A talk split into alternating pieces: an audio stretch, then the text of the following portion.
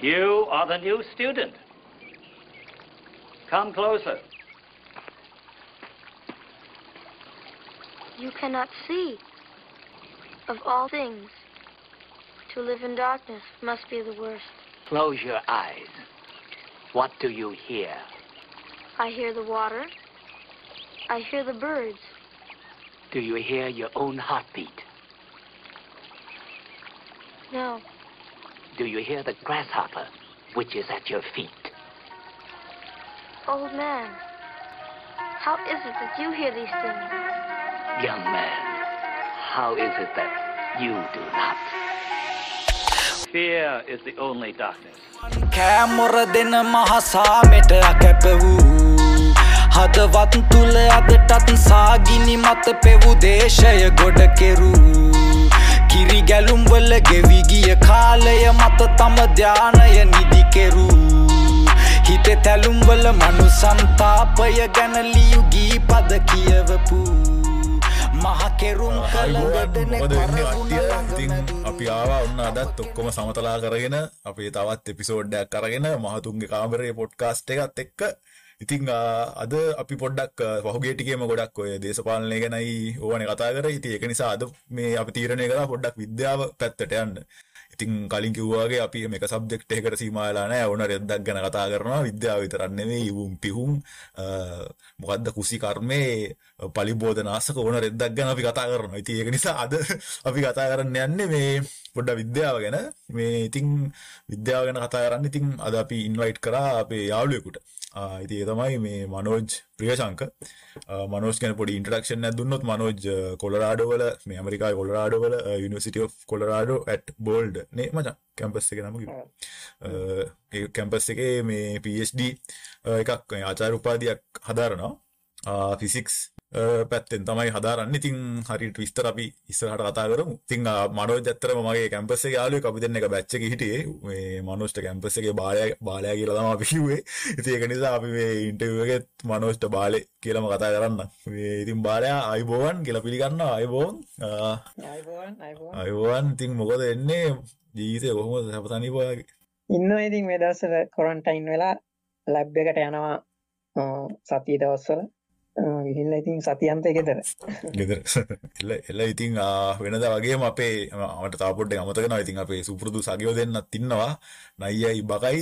ඉතින් නයියන් බක අයිබෝවන් ඔයාලා දෙන්නටත්.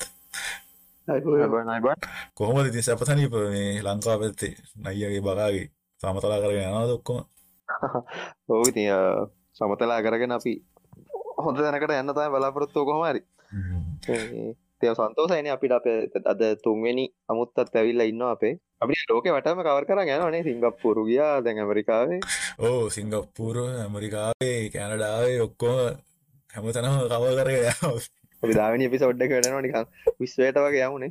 ඕ දිනාවට ආකාරෝගින්න එකක් අය කතා කරු ඊළඟ එපිසෝඩ් එකනට ඉන්න ඊට වඩා මං කැමති ඇතරම් එක එක නොලෙජේරියස් ටච් කරන එකට. අද අද මේ එපිසෝඩ් එකට මං හරි කැමති මේ අ, විද්‍යා පැත්තෙන් තිරෙන් ඒක තමයි. මේ හරි එහෙනම් විද්‍යාව ගැන කතා කරන්න කලින් අ, බාලයෙන් අපි ඇහුවොත් එහෙම දැන් අ, උඹ රිසර්ච් කරන්නේ මොන පැත්තෙන්ද බයි කියන්නේ? මොන වගේ සාමාන්‍ය අපි අපිට අපිට පොඩ්ඩක් තේරෙනද කියපන් නේ අපි නිකන් සාමාන්‍ය මිනිස්සුන්ගේ තරම් ගාන පොඩ්ඩක් සැන්ඩි කරලා අ, මගේ මං රිසර්ච් කරන්නේ ඇත්තරම ගොඩාක්ම ඔප්ටික්ස් එකෙන් ප්‍රකාශ විද්‍යාව. ඒකෙත් මං කරන්නේ ගොඩක් වෙලාවට ලේසර්ස් සම්බන්ධව.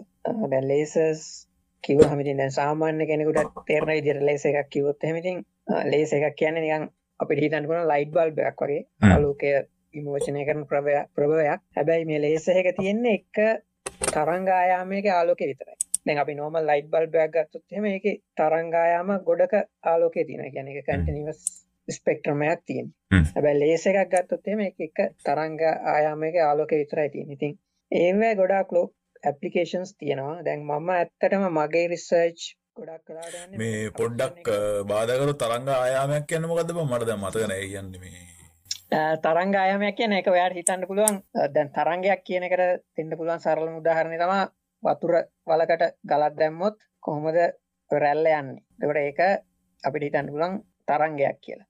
එතකොට තරංග ආයාමය කියන්නේ අර තරංගයේ මෙහෙම කඳු දෙකක් අතර අපි ආ ඒක හරහට බැලුවොත් එහෙම රැල්ල පේන්නේ හොම රැල්ලක් වගේන ඔව්. ඒ කඳු දෙකක් අතර තියෙන දුර තමා තරංගායමක හරි.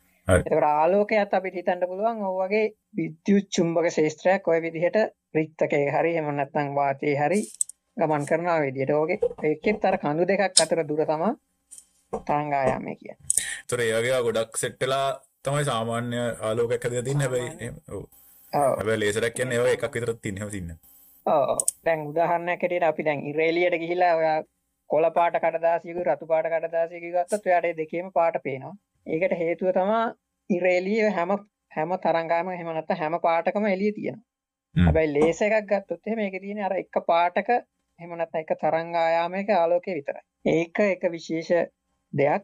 ඉතින් ඒකේ ගොඩක් ලොකු ඇපලිකේෂන්ස් තියෙනවා. ඉතින් ගොඩක් කලාට අපි හැමෝම දන්න එක තමා මේ දැන් ඔය අයිසර්ජරීස් වලට දැන් ලේසස් පාවිච්චි කරනවා මෙඩිකල් ඊට පස්සේ ඊළඟට කමියනිකේෂන්ස් වලට පාවිච්චි කරන දැන් ඔප්ටිකල් ෆයිබර්ස් වල ගොඩක් කලාවට යන්නේ ලේස. ඒවගේ ගොඩක් ඇපලිකේෂන්ස් තියෙනවා. මගේ රිසර්ච් කරන්න ඇත්තරම කියන්නේ ඔප්ටිකල් ෆ්‍රීකවන්සි කොම් කියලා තමයි ඒක ඉංග්‍රීසියෙන් කියන්නේ. කියන්නේ ඒක ඇත්තටම එක විශේෂ ලේස එකක්. ඒක අර එක තරංගායාමයක ආලෝකය නෙමේ තියෙන්නේ. හැබැයි තරංගායාම 1000ක විතර ආලෝකය තියෙනවා. හැබැයි ඒ තරංගායාම දෙකක් අතර වෙනස හැම තිස්සෙම සමානයි. ඒ කියන්නේ ඔයා නිකන් ඒක ඇත්තටම බැල- හිතුවොත් එහෙම ඒක හරියට මේ දැන් නෝමල් ලේස් එකක් කියන්නේ නිකන් පනාවක එක එක කෝම්බ එකක් වගේ. එක. කෝම් ලයින් එකක් වගේ. හැබැයි ඔප්ටිකල් ෆ්‍රීකවන්සි කෝම්බ එකක් කියන්නේ ඒකේ හරියට පනාවක තියෙන අර දැති වගේ එක එක වේව් ලෙන්ත් එකේ ආලෝකය තියෙනවා. ඉතින් ඒක ඇත්තටම අපිට කියන්න පුළුවන් ඒක හරියට මීටර් රූලක් වගේ. අර පනාවේ දැති තමා මීටර් රූලේ අර තියෙන මාක්ස්. එතකොට ඒක අපිට ඇත්තටම ඒකේ ගොඩාක් ලොකු ඇප්ලිකේෂන්ස් තියෙනවා එකක් තමා දැන් දැන් ඔය ගොඩක් ඔයා දැන් හැමෝම කාලය ගැන ඉන්ට්‍රස්ට් කියලා. ඒකේ තියෙන හොඳම ඇප්ලිකේෂන් එක තමා ඇටොමික් ක්ලොක්ස්. ඒ කියන්නේ පරමාණු ඔරලෝසු. ආ, දැන් මම ඉන්න යුනිවර්සිටි එකේ තමා ඉතින් කියන්නේ මං මං වැඩ කරන ලැබ් එකේ එහා පැත්තේ බිල්ඩින් එකේ තමා දැනට ලෝකේ තියෙන හොඳම පරමාණු ඔරලෝසු හතරෙන් තුනක් තියෙනවා. ඒවා කොච්චර නිවැරදිද කියනවා නම් ඒ ඔරලෝසුවකට පුළුවන් කියන්නේ ඔරලෝසුවක තප්පරයක් ඇතුළත කාලය වෙනස් වෙන්නේ තප්පරෙන් 10 18 වෙනි කුලයක්. ඒ කියන්නේ තප්පරය බෙදන්න ඕනේ 1.18කින්. එච්චර ප්‍ර- පු- පුංචි ප්‍රමාණයක් තමයි කාලය වෙනස් වෙන්නේ ඔරලෝසුවක. ඒ කියනවා නම් ඔයා ඔරලෝසුවක් විශ්ව ආරම්භ කරනකොට ඔන් කළොත් අද. වෙනකොට ඒ ඔරලෝසුව එක තප්පරයක්වත් වෙනස් වෙලා නැහැ. ඒ කියන්නේ එච්චර ඇකියුරේට්. හ්ම්. ඉතින් ඒක ඒ වගේ දේවල් තමයි මගේ රිසර්ච් ඇත්තටම රිසර්ච් එකේ ගොඩක් වෙලාවට ඒ හා සම්බන්ධ දේවල් තමයි වෙන්නේ. එතවට මේ දැන් ඔප්ටික්ස් කිව්වහම ඔබ කිව්වනේ ඒ කියන්නේ ඔය මේ ඔබ මොකද්ද මේ නිකන් ඔය තරංග එතකොට දෘශ්‍ය මොකද්ද කියන්නේ ද- දකින මොකක් හරි රෙද්දවල් ගැන කියලා. එතකොට ඒක ඔය ඇටොමික් ක්ලොක් එකට සම්බන්ධ වෙන්නේ කොහොමද ඒ කියන්නේ? තරංග. හරියට මේ දැන් ඇත්තටම ඇටමික් ඕනෑම ක්ලොක් එකක් ගත්තොත් එහෙම ක්ලොක් එකකට ඕනේ අපිට මේ අපි කියනවා ඒකට ඔසිලේටර් එකක්. කියන්නේ දැන් අපි පරණ ඔරලෝසුවක් ගත්තොත් එහෙම ඒකේ කාලය මනින්න බට්ටයි.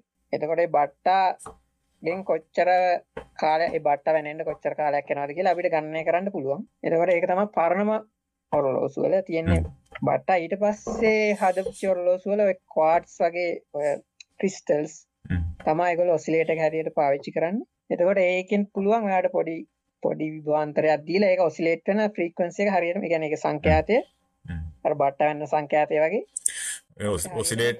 වෙනවා කියන්නේ වෙනවා වගේ කියන අදහස් තියෙන වචන. ඒ කියන්නේ දැන් බට්ටෙක් වෙනවා කියන්නේ ඒක පටන් ගත තැන ඉඳලා ආපහු ඉවරලා ආයි පටන් ගන්න තැනට එන්න යන කාලය හැමතිස්සෙම එකයි. එතකොට අපිට ඒක තමයි අපේ ඔරලෝසුවක් හදනකොට පරණ ඔරලෝසුවක් ගත්තොත් ඒකේ රෙෆරන්ස් එක තමයි ඒක. හරි. ඒක තමයි අපි කාලයම ඉන්න පාවිච්චි කරන්නේ. ඒ වගේ දැන් ওই බට්ටගේ තියෙන ප්‍රශ්නේ තමයි ඒකේ එර එක වැඩි. ඒ කියන්නේ ඒක ගොඩාක් නිර්වද්‍ය නැහැ. එතකොට අපිට ඊට වඩා නිර්වද්‍යයකට යන්න ගියාම තමයි ඔය ක්වාඩ්ස් වගේ කියන්නේ ක්වාඩ්ස් වගේ ක්‍රිස්ටල්ස් අපිට පුළුවන් විද්‍යුත් ශේෂ්ත්‍රයක් දීලා ඒවා මේ ඔසිලේට් කරන්න නැත්නම් අනුනාද කරන්න. එතකොට ඒ ෆ්‍රීක ඒක යාරකට වඩා පොඩ්ඩක් හොඳයි. හැබැයි දැන්ට ලෝකේ තියෙන හොඳම ඔසිලේටර්ස් එහෙම නැත්නම් හොඳම එහෙම හොඳම ඔය වැනෙන එක. ඔව් හොඳම පෙන්ඩියුලම් නැත්නම් එක තමයි පරමාණු. මොකද පරමාණුවේ ඉලෙක්ට්‍රෝන අපි දන්නවනේ පරමාණු දැන් ලෙවල් වලට දන්නවනේ න්‍යෂ්ටිය තියෙනවා ඊට පස්සේ ඒක වටේ ඉලෙක්ට්‍රෝන ශක්ති මට්ටම් තියෙනවා. එතකොට මේ ඉලෙක්ට්‍රෝනයක් මේ ශක්ති මට්ටම් දෙක අතර මාරු වෙන ඒ ඒ ශක්තිය හැම ඔයා මෙහි ඇටම් එකක් ගත්තත් තව ඇටම් එකක් ගත්තත් ඒ දෙක එකම කන්ඩිෂන් එකේ නම් තියෙන්නේ ඒක සමානයි. එතකොට අපිට ඒක පාවිච්චි කරන්න පුළුවන් අර බට්ට වෙනුවට අපි කරන්නේ ඇටම් එකක් දාන්න. එතෙන්ට. එතකොට ඒ ඒ ඇටම් ඒක මනින්න තමයි අපි අර මං කලින් කියපු විදිහේ ලේසර් එකක් පාවිච්චි කරන්නේ. මට මට මත එතන පොඩ්ඩක් තේරුන්නේ නැහැ. ඒ කියන්නේ මේ පරමාණුවක් දානවා කියන්නේ බං. ඒ කියන්නේ මේ ඒ කියන්නේ මොකක්ද ඒක මනින්නේ? ඒ කියන්නේ ඒක අපි ඇත්තටම මනින්නේ පරමාණුවක තියෙන එනර්ජි ඩිෆරන්ස් එක. ඒ පරමාණුවේ ඉලෙක්ට්‍රෝන එක ශක්ති මට්ටම් දෙකක් අතර තියෙන එනර්ජි ඩිෆරන්ස් එක මනින්නේ. හ්ම්. ඒක අපිට පුළුවන් ලේසර් ඒ කියන්නේ අපි කරන්නේ ඔයා හිතන්න ඉලෙක්ට්‍රෝන ශක්ති මට්ටම් දෙකක් තියෙනවා. පළවෙනි ලෙවල් එක අපි පළවෙනි ලෙවල් එක දෙවෙනි ලෙවල් එක කියලා ගත්තොත් ওই දෙක අතර ශක්තිය වෙනසක් තියෙනවා. අපිට පුළුවන් නම් ඒ ශක්ති වෙනසට සමාන ශක්තියක් තියෙන ලේස එකක්. කියන්නේ ඒ ශක්ති වෙනසට සමාන සංඛ්‍යාතයක් තියෙන හරි එහෙම නැත්නම් තරංග ආයාමයක් තියෙන ලේස එකක් අපි ඒකට ඒ පරමාණුවට එල්ල කළොත් එහෙම අර ඉලෙක්ට්‍රෝන එක මොකද කරන්නේ? උඩ ශක්ති මට්ටමට පයින්නවා. එතකොට අපිට පුළුවන් ඒක ඒ ලේස එක හරියටම අර ශක්ති පර- ඒ ශක්ති ම- ඒ තරංග ආයාමයට ලොක් කරන්න පුළුවන්. හරිද? ඒ කියන්නේ ඒ කියන්නේ දැන් අපි නෝමල් ලේස එකක් ගත්තොත් ඒක ඇත්තරම ඔය තරංග ආයාමය කියන එක 100%ක් ස්ටේබල් නැහැ. ඒක පොඩ්ඩ පොඩ්ඩ පොඩ්ඩ වෙනස් වෙනවා. හැබැයි ඉලෙක්ට්‍රෝනයේ ශක්ති මට්ටම් දෙකක් අතර තියෙන ඒ තරංග ආයාමය ඒක වෙනස් වෙන්නේ. අපි කරන්නේ අර ලේසර් එක අරකට ලොක් කරනවා. එතකොට දැන් ඔයාලට හම්බ වෙනවා හොඳ හොඳ ස්ටේබල් ලේසර් එකක් පරමාණුවකට ලොක් වෙච්ච. එතකොට ඒක වෙනස් වෙන්නේ නැහැ. ඊට පස්සේ අපි කරන්නේ ඒක තමයි අපි කාලයට ස- කාලය පැත්තට මෙව කරන්නේ ඔප්- මං කියපු අර ඔප්ටිකල් ෆ්‍රීකවන්සි කෝම් එකකින්. ඒක හරියට අර දැතිරෝධයක් වගේ ඔරලෝසුවක තියෙන. ඒකෙන් කරන්න පුළුවන් අර දැන් අපි ගත්තොත් එහෙම කියන්නේ ප්‍රකාශ ඔය සංඛ්‍යාතයනේ අපි යෝග කරන්නේ. ඒ ඔප්- ඒක අරහා නිකන් දැතිරෝධයක් කරා අර කාලය කරකවන්න මෙව කරනවා වගේ අර බට්ට වෙනන එක අපිට පෙන්වන්නේ අන්තිමට ඔරලෝසුවේ අර කටු වලින් ඒ වගේ අරකින් කරන්නේ අර ඒකේ තියෙන ස්ටේබිලිටි එක ඒ පරමාණුවේ තියෙන ස්ටේබිලිටි එක අපිට පුළුවන් කාලයට කන්වර්ට් කරන්න. නැත්නම් කාලයට මේ. අනුවර්තනය කරන්න. මේ එතකොට දැන් දැන් ඔච්චර ඇකියුරට් මේ ඔරලෝසු හදන්න හේතුව මොකක්ද? ඒ කියන්නේ ඒවා මොනවා වගේ වැඩද පාවිච්චි කරන්නේ? ඇත්තටම එකක් අපි හැමෝම පාවිච්චි කරන එක ඇප්ලිකේෂන් එකක් තමයි GPS. දැන් ඔය ගොඩක් GPS ඇත්තටම ඒගොල්ලන්ට ඕනේ ඔය වගේ ඔසිලේටර්ස් ඕනේ GPS. කියන්නේ global position systems වලට. ඒක එකක් අනිත් එක තමයි ඔය time keeping කියන එක ඇත්තටම හරි වැදගත් දැන් කම්පියුටර් ඉන්ටර්නෙට් වල ගත්තත් ඔයාගේ කම්පියුටර් එක ගොඩක් වෙලාවට ඔයා සිංක් කරලා තියෙන්නේ ඇටමික් ක්ලොක් එකකට ඇත්තටම කිව්වොත්. දැන් ඔයාට ඕනනම් මේ දැන් කම්පියුටර් එකේ ගිහිල්ලා මේ ඔයාට ඔයාගේ කම්පියුටර් එක දැන් සිංක් කරන්න පුළුවන් බෝල්ඩ් වල තියෙන ඇටමික් ක්ලොක් එකකට. එතකොට ඒකෙන් කරන්නේ ඇත්තටම ලෝකේ කම්පියුටර් නෙට්වර්ක්ස් ඒවා මේවා ඔක්කොම සිංක් කරන එක එක ඇප්ලිකේෂන් එකක්. ඒ කියන්නේ ඒක ඇත්තටම දැන් බෝල්ඩ් ඔය තියෙන ලැබ් එකට ඒකේ තියෙන මෙහි තියෙන නැෂනල් ලැබ් එකක්. ඒකෙත් තියෙනවා පරමාණු ඔරලෝසුවක්. ඉතින් ඒකට ඇත්තටම පින්ක්ස් එනවා Google වලට වඩා පින්ක්ස් ප්‍රමාණයක් එනවා ඉන්ටර්නෙට් එකෙන්. ඒගොල්ලන්ගේ නෙට්වර්ක් එකට මේ අර ටයිම් එක කීප් තියාගන්න. ඔව එතකට ඕක දෙන්න පුලන් සොරි මං පොඩි වාදාකිරීමක් කරන්න. ඕක මේ ෆ්‍රීලි එවලබල් කරන්නේ ඇයි? මේ ඇටමික් කලොක් එක සර්විස් එක? දැන් ඕක පවත්තගෙන ආ, යන්නත් මං යම්කිසි පිරවයක් යන ඇතිනි.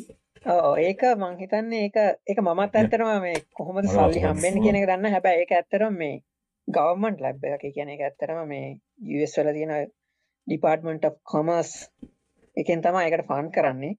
ඉතින් මං හිතන්නේ ඒක මේ කොහොම හරි ඔය බදු මුදල් හරහා රජය මෙව හරහා එන ඇත්තරම මෙව එකක් ඒක ඉතින් අර ඒ ඒක නැති වුණොත් ඉතින් ඇත්තටම එහෙම තැන් කීපයක් තියෙනවා ඒක නැති වුණොත් එහෙම ඉතින් අර මේ ඉන්ටර්නෙට් එකේ ටයිම් කීපින් එක නැති වෙනවා එතකොට ඉතින් අර කමියුනිකේෂන් ඔක්කොම ඉතින් අවුල් යන්න පුළුවන්. ඒක හින්දා වෙන්නදි මං හිතන්නේ ඔක ෆ්‍රී ෆ්‍රීලි අවේලබල් කරලා තියෙන්නේ.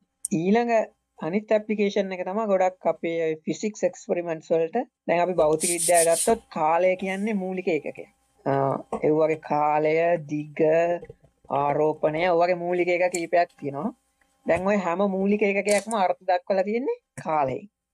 එතකොට අපිට කාලය හරියට මයින්ඩ් පුළුවන් කියන්නේ අර භෞතික විද්‍යාවේ තියෙන මූලික ඒකක ඔක්කොම අපිට හරියට මයින්ඩ පුළුව ඒක බෞති විද්‍යා පැත්තෙන් තියෙන එක එව්වගේ ඇපිකේෂන් තම මංහිතන අපිට ගොඩක්ම මෙවන ඇපිකේෂන් එක තම ඔය ටයිම් GPS වගේ වයි හැබ තාම ඇටමික් කලොක් එකක් තාම යවලනෑ හැබැයි ගොල දැම් ප්ලෑන් කරලා තියෙන ඇටමික් ලොක් එකක් යවන්ඩ මේ ඊළඟ ඊළඟ අදියරේ යන සටලයිට්සල්ට එතකොට GPS GPS වගේවා එතරම ඇකිවරසියක තාව ගොඩක් වැඩිවේ ඉස්සරහට.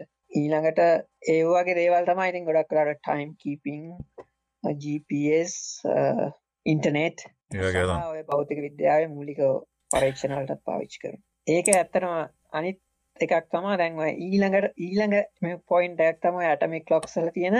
දැන් හැමෝම දන්න ගත්තමයි ගුරුත්වාකර්ශණය ගුරුත්වාකර්ශණය මයින්ඩ පුළුවන් ඇටමික් ටොක් කෙරී ඒකෝද ඒ කියන්නේ ඕක ඇත්තරම පටන් ගන්නේ මේ ඔය අයින්ස්ටයින්ක සාධාන සාපේක්ෂතාවාද.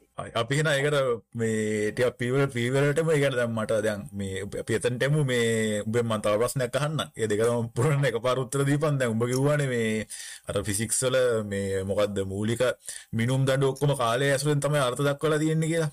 ඊට පස්සේ උඹ කිව්වනේ මොකද්ද දිග කියන එකත් මේ ඒ කියන්නේ දිග කියන්නේ දිගනේ මොකක්ද දිග හරි පල්ල හරි මොකක් හරි දුරක් කියන එකක් කොහොම හරි උත්තරත දක්වලා තියෙන්නේ කාලය.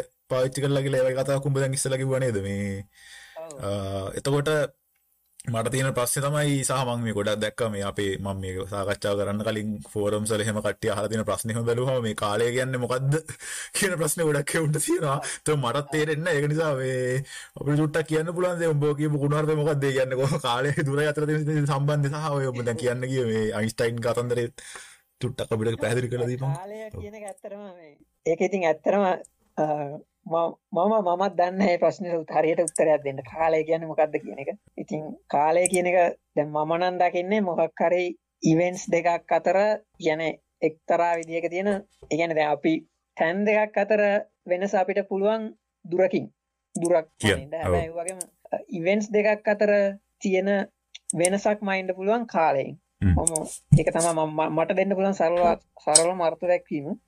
හැබැයි කාලය කියන්නේ මොකක්ද කියන එක ඉතින් ඇත්තටම මම හිතන්නේ ඒක ඒක අර හරිම ඔපිනියන් එකටත් ඒ කියන්නේ දැන් ඔයා සමහරලාට කවුරු හරි ඇස්ට්‍රොෆිසික්ස් වගේ කරන කොස්මොලොජි වගේ කරන කෙනෙක්ගෙන් අහුවොත් එයා වෙනම ඩෙෆිනිෂන් එකක් දෙයි. ඇටමික් ක්ලොක්ස් හදන කෙනෙක්ගෙන් අහුවොත් එයා වෙනම ඩෙෆිනිෂන් එකක් දෙයි. ඒක ඉතින් මම හිතන්නේ නැහැ. ඒකට ඇත්තටම අර නිරපේක්ෂ නිර්වචනයක් තියෙනවා කියලා.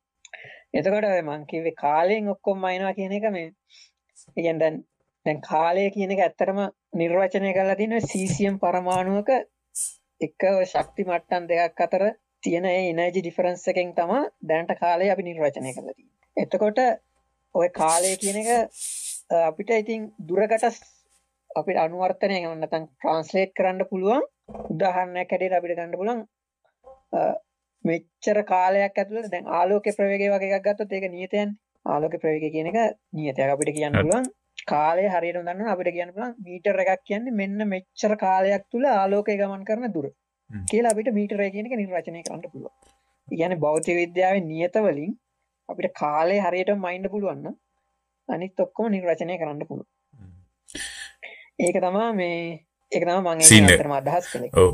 එතවට මේ අද උඹ කියනගේ මගේ ඉස්සල බාධ කරා මේ අර මේ උඹ වන ග්‍රවිට එකත් මයින්ඩ පුළුවන් කියලා සින්නකමත් ඒක ඇත්තරම මං කියන්නගේ දැන් දැන් ගුරුත්වාකර්ශණය කියන දැන් එක අපි හැමෝම දන්න ගන්න. එතකොට ගුරුත්වාකර්ශණය එක කාලයටත් පොඩ්ඩක් සම්බන්ධයි. දැන් මුලින්ම ගුරුත්වාකර්ශණය ගැන කතා කළේ නිවටන්. ඇපල් ගෙඩිය ඔලුවට ඇතිච්ච එක පැහැදිලි කළේ. හරි මෙහෙම යා කිවා මෙහෙම ග්‍රහලෝක හරි මොනහරි වස්තු දෙකක් තියෙනවා නම් ඒ දෙක අතර අනිවාර්යෙන් ආකර්ෂණයක් ඇති වෙනවා කියලා එයා කිව්වා.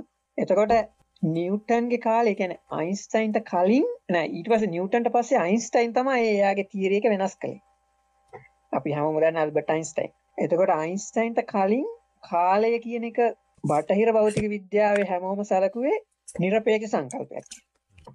කියන්නේ කාලය කියන එක විශ්වයේ හැමතැනම එකම වේගයෙන් යන්නේ කියලා. ඊට පස්සේ හැබැයි ඕක බටහිර මිනිස්සු එක සලකුවට ඇත්තටම පෙරදිග මිනිස්සු එක සලකුවේ නැහැ. දැන් උදාහරණයක් ඇටියට දැන් බෞද්ධ බුද්ධ ආගමේ දැන් මම ඕක දැන් අපේ ආච්චිට අපේ ආච්චි කෙනෙක් හිටියා.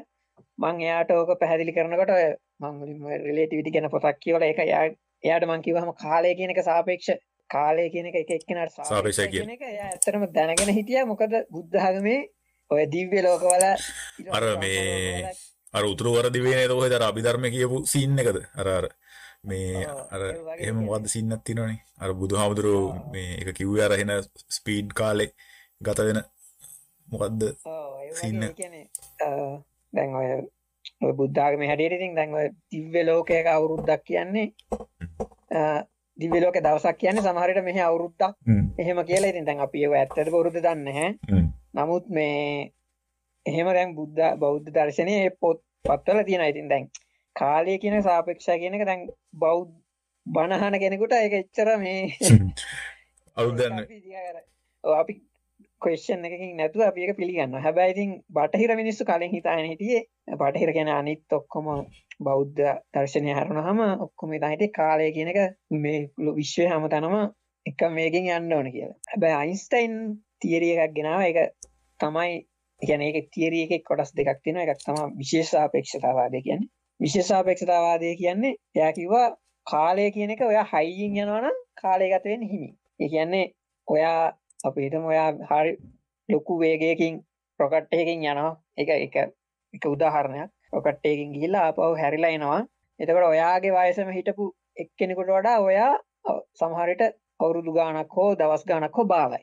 ඔයා යන වේගයයි යන දුරයි යනවා. එකන මම ඉතන ටවින්ස් ලාගලා දැම් මට ටවින් කෙන කිරියනම් මම උඹගෙනද ම රොකට් එකකින් මක්කරි පොලොවට කිල්ලා මං ගෙතරනකොට මං අරුටඩ බාලයි ඒක ඒක ඇත්තන ටවින්ස් පැරඩක්ස් කියලා කියන්නේ. ඒක ටවින්ස් ලාම දාලා තමයි කියන්නේ. ඒක ඇත්තටම බාලා ඒක ඇත්තටම මේ ඔයා දැන් ඇත්තටම ප්ලේන් එකක ගියත් ඔය ඉෆෙක්ට් එක තියෙනවා. හැබැයි ඒක බොහෝම බොහෝම පුංචි ප්‍රමාණයක් හ්ම්. තප්පරෙන් බිලියනෙන් බිලියනෙන් බිලියනෙන් එකක්. වගේ ඊට වඩා විශාලයි. නමුත් ඒක අපිට නොසැලකිය හැකි තරම් පුංචි ප්‍රමාණයක්. අපිට ඒක තේරෙන්නේ. හැබැයි ඕක ඇත්තටම ඔය මේ දැන් වුණත් ඔය සැටලයිට්ස් වල ඇත්තටම ඔය ඒක පාවිච්චි කරනවා. ඒගොල්ලන්ගේ ටයිම් ඒක ටයිම් ඩයිලේෂන් කරෙක්ට් කරන්න. මං හිතන විදිහට ඇත්තටම ඔය සාපේක්ෂතාවාදය පාවිච්චි කරනවා. මොකද ඒකේ පොඩි ඉෆෙක්ට් එකක් තියෙනවා. සැටලයිට්ස් වලට දු- සෑහෙන කාලයක් යනකොට ඊළඟට ඔය ගොඩක් ඉතින් ෆිසික්ස් ඔය පාටිකල් ෆිසික්ස් කරන අය ඒගොල්ලන්ට ඇත්තටම පේනවා ඔය ටයිම් ඩයිලේෂන් එක. ඒ කියන්නේ පාටිකල්ස් වලට. මොකද ඒවා ආලෝකයට ආලෝක වේගයකට ආසන්න වේගයකින් ඒවා යනවා. එතකොට මේ ඒගොල්ලෝ ඒක පාවිච්චි කරනවා. ඊළඟට ඔය ඊළඟ එක තමයි අයින්ස්ටයින්ගේ අපි කියන්නේ සාධාරණ සාපේක්ෂතාවාදය එයා එයා ඒකෙන් තමයි එයා ගුරුත්වාකර්ෂණය පැහැදිලි කළේ. එයා කිව්වා ඒක එක ප්‍රතිඵලයක් තමයි ගුරුත්වාකර්ෂණය වැඩි තැන්වල කාලය ගත වෙනවා අඩුයි. හරි කියන්නේ දැන් ඔයගොල්ලෝ අර හොඳ මූවි එක තමයි ඉන්ටෙස්ටර් ඕ හැමෝම බැලු බල්ල බැලුවනම් අර මිනිහා අර කළුකුහර ගාව ඒකේ ප්‍රධාන චරිත කළුකුහර ගාව ඉන්න ග්‍රහයට ගියාම ඒකේ අවුරුද්දක් කියන්නේ මෙහෙ දවසක් කියන්නේ මෙහෙ අවුරුදු හතක් හරි මොකක් හරි එහෙම කියන ඕ එහෙම සින්න. වර මීමයකුත්ති අල්ඩුමයි පස්ඩ කියලා ඒ කියන්නේ එයා අන්තිමට පොළවට එනකොට එයාගේ දුව නාකි වෙලා. අන්තිමට වයසට ගිහිල්ලා කියන්නේ ඒ වගේ එතන මොකද එතන ගුරුත්වාකර්ෂණය වැඩි හන්දා කාලය ගත වෙන්න හිමි. දැන් ඕක ඇත්තටම අපිටත් තියෙනවා මේ පොළවෙත් තියෙනවා හැබැයි දැන් ඔය කන්දක් උඩට නැග්ගොත් එතන කාලය ගත වෙන්නේ පොඩ්ඩක් හිමින්. හැබැයි ඒක හරීම සුළු වෙනසක් තියෙන්නේ. ඒක අපිට සාමාන්‍ය ජීවිතේ මයින්ඩ් බෑ. හැබැයි ඇටමික් ක්ලොක් එකකට පුළුවන් ඒක මයින්ඩ්. හරි කියන්නේ දැන් මෙහි බෝල්ඩ් වල තියෙන ඒක ඇත්තටම මේගොල්ලෝ කරලා තියෙනවා. ඒක ඇටමික් ක්ලොක්ස් දෙකක් අරන් එක වගේ එකක් අඩියක් ඉස්- උඩට ඉස්සුවොත් ඒ අඩියක් උඩට උස්සපු එක ඒ ක්ලොක් එක හි- ඒ ක්ලොක් දෙක අතර කාලය ගත වෙන වේගය වෙනස්.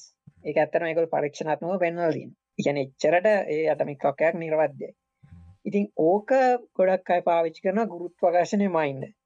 දැන් ඔය ඒකේ තියෙන ඉතින් ඇත්තටම මේක වෙන වැදගත් දැන් ගුරුත්වාකර්ෂණයෙන් අපිට පුළුවන් ඇත්තටම ගුරුත්වාකර්ෂණය මැප් කළොත් ඒ කියන්නේ ඔයාලට ඩ්‍රෝන් එක වගේ කවදා හරි දවසක දැනට ඇත්තටම මේවා රිසර්ච් යනවා. කවදා හරි දවසක ඔයාලට ඇටමික් ක්ලොක් එකක් කියලා ගුරුත්වාකර්ෂණය මයින්ඩ් පුළුවන් නම් එකෙන්. එතකොට ඔයාලට පුළුවන් ඔය පොළවේ තියෙන ඝනත්වය මනින්න ඊළඟට ඔය මිනරල්ස් වගේ පොළොවේ යට තියෙනවා නම් ඒවා දැනගන්න පුළුවන්. වතුර ලොකු වෝටර් රිසර්වර් එකක් වගේ පොළොවේ යට තියෙනවා නම් ඒවා දැනගන්න පුළුවන්. ඒ වගේ ගොඩක් ඇප්ලිකේෂන්ස් තියෙනවා. ඉතින් ඇත්තටම ඒක ඉතින් අර ගොඩක් අය try කරන රිසර්ච් ඔය ඇටමික් ක්ලොක්ස් පොඩි කරලා ප්ලේන් එකකට වගේ දාන්න.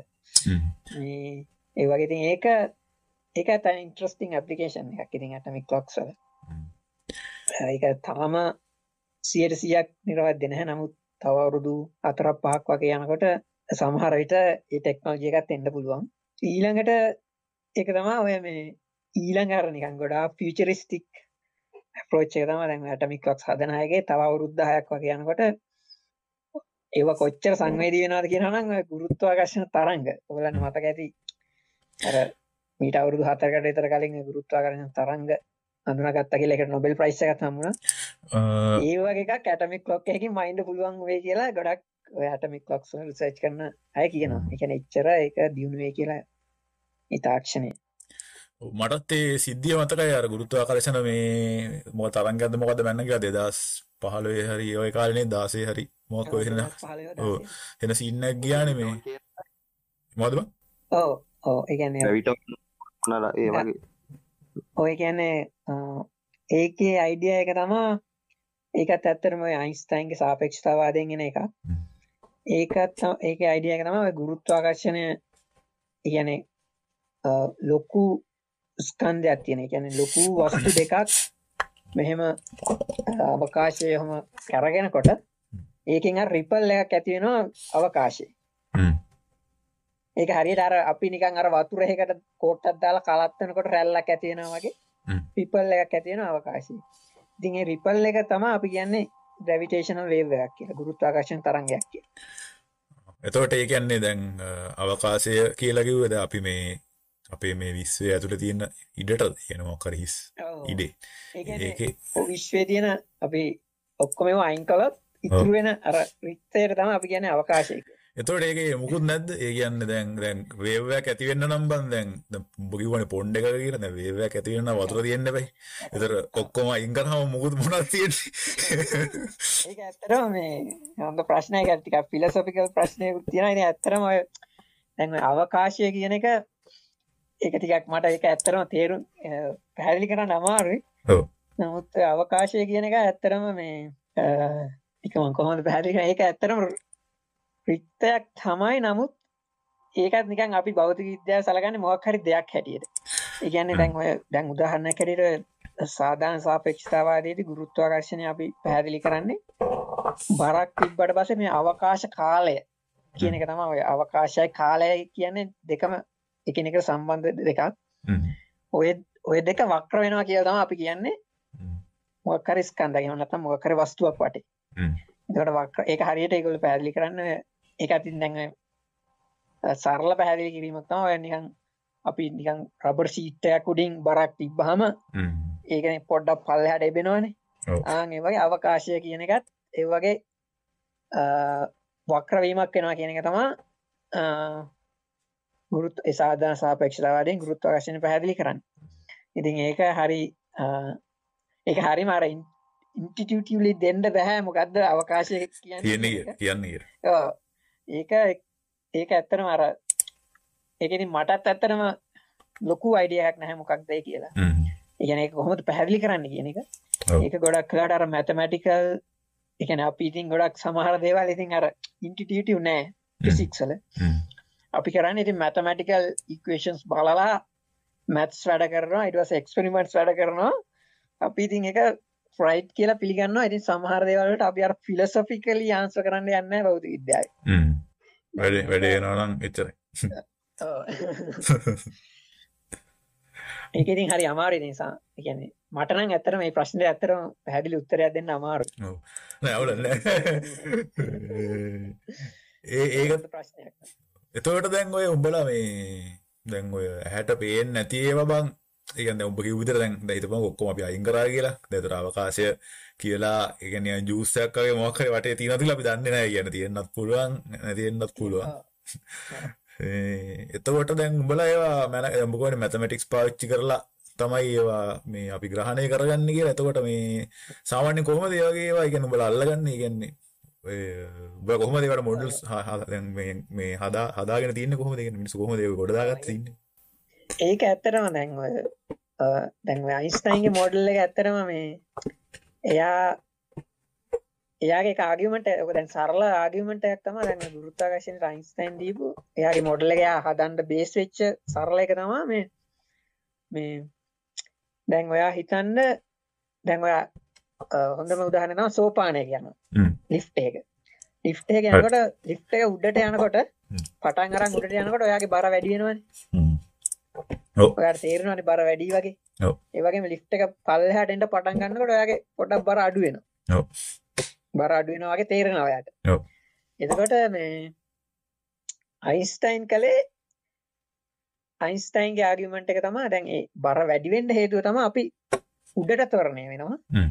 බර අඩු වෙන්න හේතුව තමයි අපි මේ අනිත් පැත්තට ත්වරණය වෙනවා එතකොට අයින්ස්ටයින් කිව් අයින්ස්ටයින්ගේ ආගියුමන්ට් එක තමයි ත්වරණයයි ගුරුත්වාකර්ෂණය කියන එක දෙක වෙන් කරන්න බෑ කියලා එහෙම ආගියුමන්ට් එකක් අරගෙන තමයි එයා කිව්වේ දැන් අපි අපි මේ ලෝකයේ තලයක් කියලා ගත්තොත් පැතලි ප්ලේට් එකක් කියලා ගත්තොත් එහෙම හ්ම්.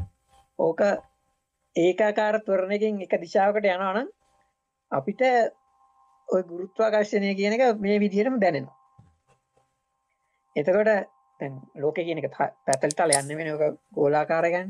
හ්ම්. ඉතින් ඒක හන්ද තමයි අයින්ස්ටයින් ඒක ආගියුමන්ට් එක ගිහිල්ලා තමයි මේ කිව්වේ ඇත්තටම ගුරුත්වාකර්ෂණය කියන්නේ අවකාශ කාලයේ වක්‍රතාවය. එහෙම නැත්නම් වක්‍රතාවය කියන එකට අරන් ආවේ අයින්ස්ටයින් ඒ එකෙන්.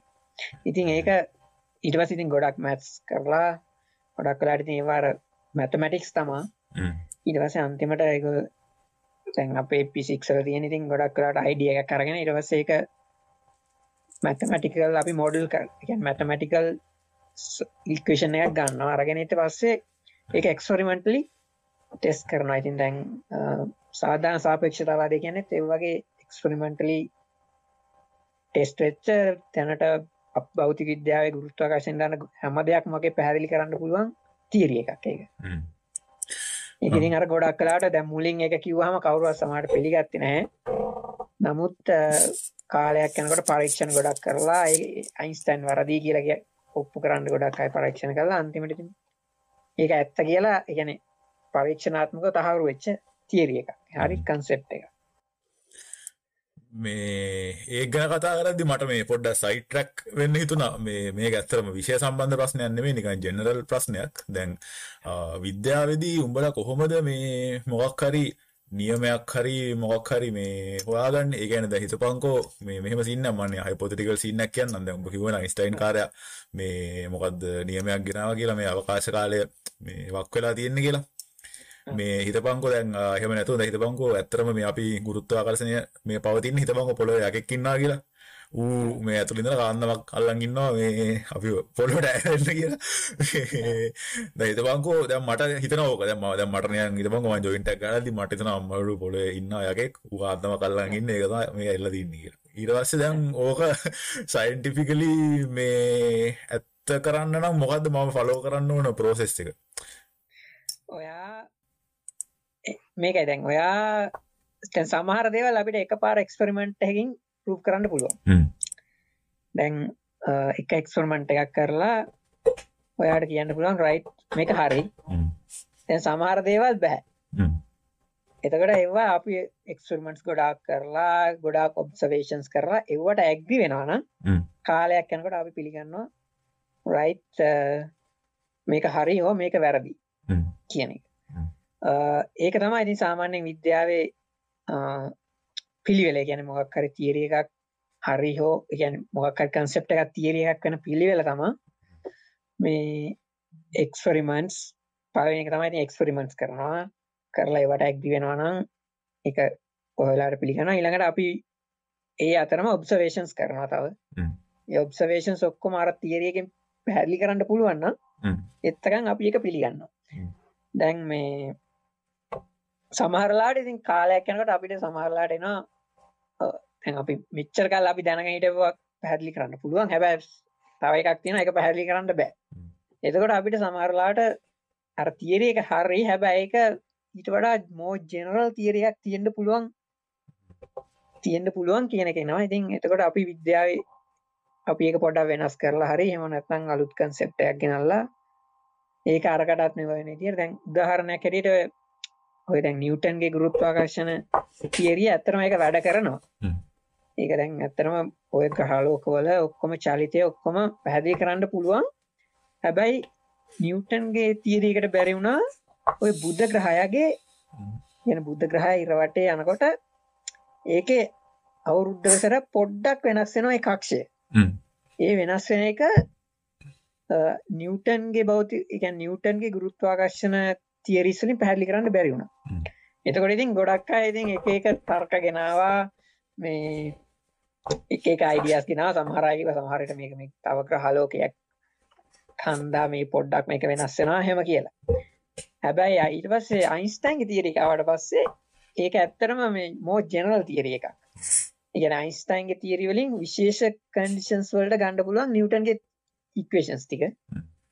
එතකට අයින්ස්ටයින් එක මෝ ජෙනරල් හැම දෙකටම වලංගු එකක්. එතකොට ඒකෙන් පුළුවන් වුණා අර බුද්ධගේ බුද්ධ ග්‍රහයාගේ අර පොඩි කක්ෂය කැරකෙන එක වෙනස්වීම හරියටම මේ ප්‍රඩික් කරන්න. එක රැක්දි වෙන ඉතින් ඒවා ඉතින් ගැ සයින්ස් කියන එක හැමතිස්සේ මර මේ ඒකාර ඉතින් අර හැමතිස්සම ඉතින් මොඩිෆයි වෙනවා අලුත් වෙනවා. කියන අප අන්ඩස්ටෑන්් එක ටෙක්නෝජික දියුණ වෙනකොට ඔබ්සවේෂන්ස් තව කරනකොට සමහරලාටින් සමහර්තියරිස් අපිට වෙනස් කරන්න වෙනවා. ඊට වඩා හොඳ ලොකු තියරිස් හදන්ට වෙනවා. ඒක තම ඉතින් නෝමල් ප්‍රසිජයක සයින්ස්වල මං පොඩි ප්‍රශ්නයක් කන්න මේ දැන් අර ඇටමික් ටොක්ස් ගැන මේ කතා කරපු ඉද මේ ලෝකේ වටේ තැන්තැන්වල ඇටමික් ටොක්ස් මේන්ටේන් කරන්නවන දැන්. එතකොට ඒගොල්ලො මේ ඔය ඇට ඇටමික් ලොක් සිංක්‍රනයිස් කිරීමක් කන්නාද හෙම කන්නවන ඒ කොහොමද කියන එක?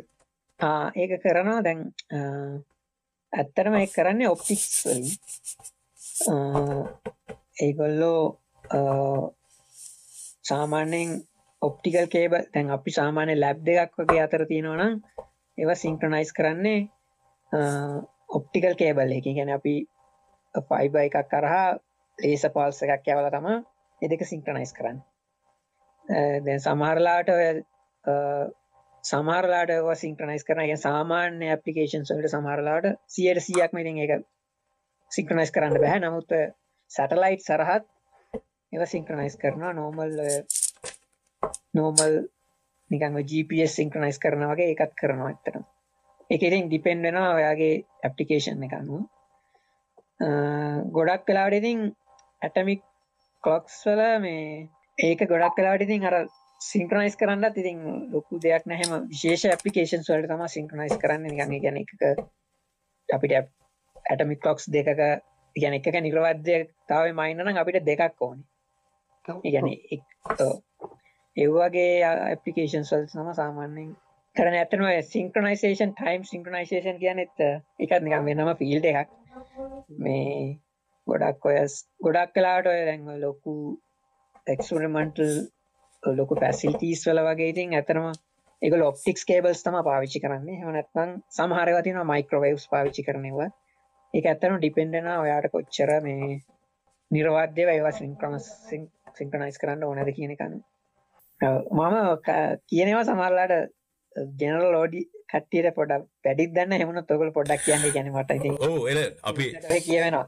එල අපි අපිට කොහොමද? අපිට තේරෙන්නේ අයි අපිට තේරෙන කියන්න ඕනකට තේරන මොද අපිත් මියලක් නගනි සාවි උබේ ප්‍රශ්න අන්න අපිට තේරෙන්න නැත්තා මේ අනිසින්නවා මේ දම්මං බීලකට හන්න හිතේ දැන් ඔය අපි දැන් ඔය කතාරන්න විද්‍යාව කොහොම දේවල් හොන්න කියලා. දැන් උඹ කිව්වානේ කාටහරි මොක් හරි සම එකක්ව අයිඩියක් මොකයි සංකල්පයක්කවත් ඊට පස්සේක පර්යේෂණ කරලා කොච්චර දුරට එකෙන් මේ විස්තර කරන්න පුළුවන්ද කියලා අපි බලනවා කියලා. මේ එතෝට ඒ කියන්න දැන් විද්‍යාවෙන් ඒගැන ඇත්තරම මේ පරම සත්‍යය කියලා එකක් නෙමේ අපි අල්ලන්න. ගැන අපි හොන්න මොක්කර ස්පලනේෂන් එකක් ගැන එකම දෙගැන මොකද හිතන්නේ? සත්‍යය ස්වභාවය ගැන උඹ අදහතුම පරම සත්‍යය කියනකින් ඇත්තරම ඒකත් මහිතන්න ගොඩ ෆිලසොෆිකල්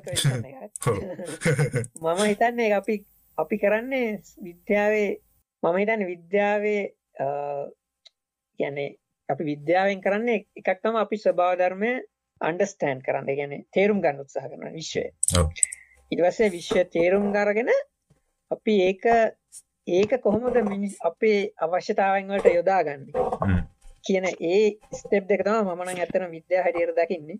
එතටක පලනි පියවර තම අපි ඒක අන්ඩස්ටෑන් කරනකට එතකට තම අපිට මැත්ස් ඕන වෙන්නේ. ඉට පස්සේ තියරිස් ඕන වෙන්නේ අයිඩියස් ඕන වෙන්නේ. ඊට පස්සේ ඒක ඒක හරිද කියලා බලන්න තම අපිට එක්ස්පරිමන්ස් ඔබ්සවේෂන් සෙවම ඕන වෙන්නේ.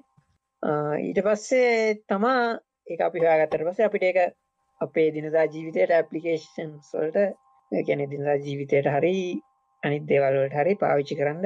ඒක තම අපි ටෙක්නෝලජියක් කියනතකොට සයන්ස් පිටි පස්සෙන් එනවා ටෙක්නෝලජි එක පලෝ කරගෙන අර අරකින් හොයාගන්නවා අපිට ඕන විදිහට මේ අපේ ජීවිතවලට ගැලපෙන දිහට ඉගන ඇඩප් කරන්න එනවස් ටෙක්නෝලජි කෙනක ඉට ඉටි පස්ස. එක මම මම දකින්න ඉතින් විද්‍යාව කියනක වගේ එක ඒ ඇත්තරම සමහර කෙනෙක් ඒක වෙනස් විදිහකට දකින්න පුළුවන් ඉතින් අපිට කියන්න බෑ මේක තමයි හරිම උත්තරේ මේක තමයි වැරදිම උත්තරේ කියලා. හැබැයි මම හිතන්නේ නැහැ විද්‍යාව කියන එක අපි ඉතින් පරම සත්‍ය කියලා එක සත් පරම සත්‍ය වෙන්න පුළුවන්. හැබැයි අපිට කිසිම දවසක දැනගන්න බෑ මේක පරම සත්‍ය කියලා.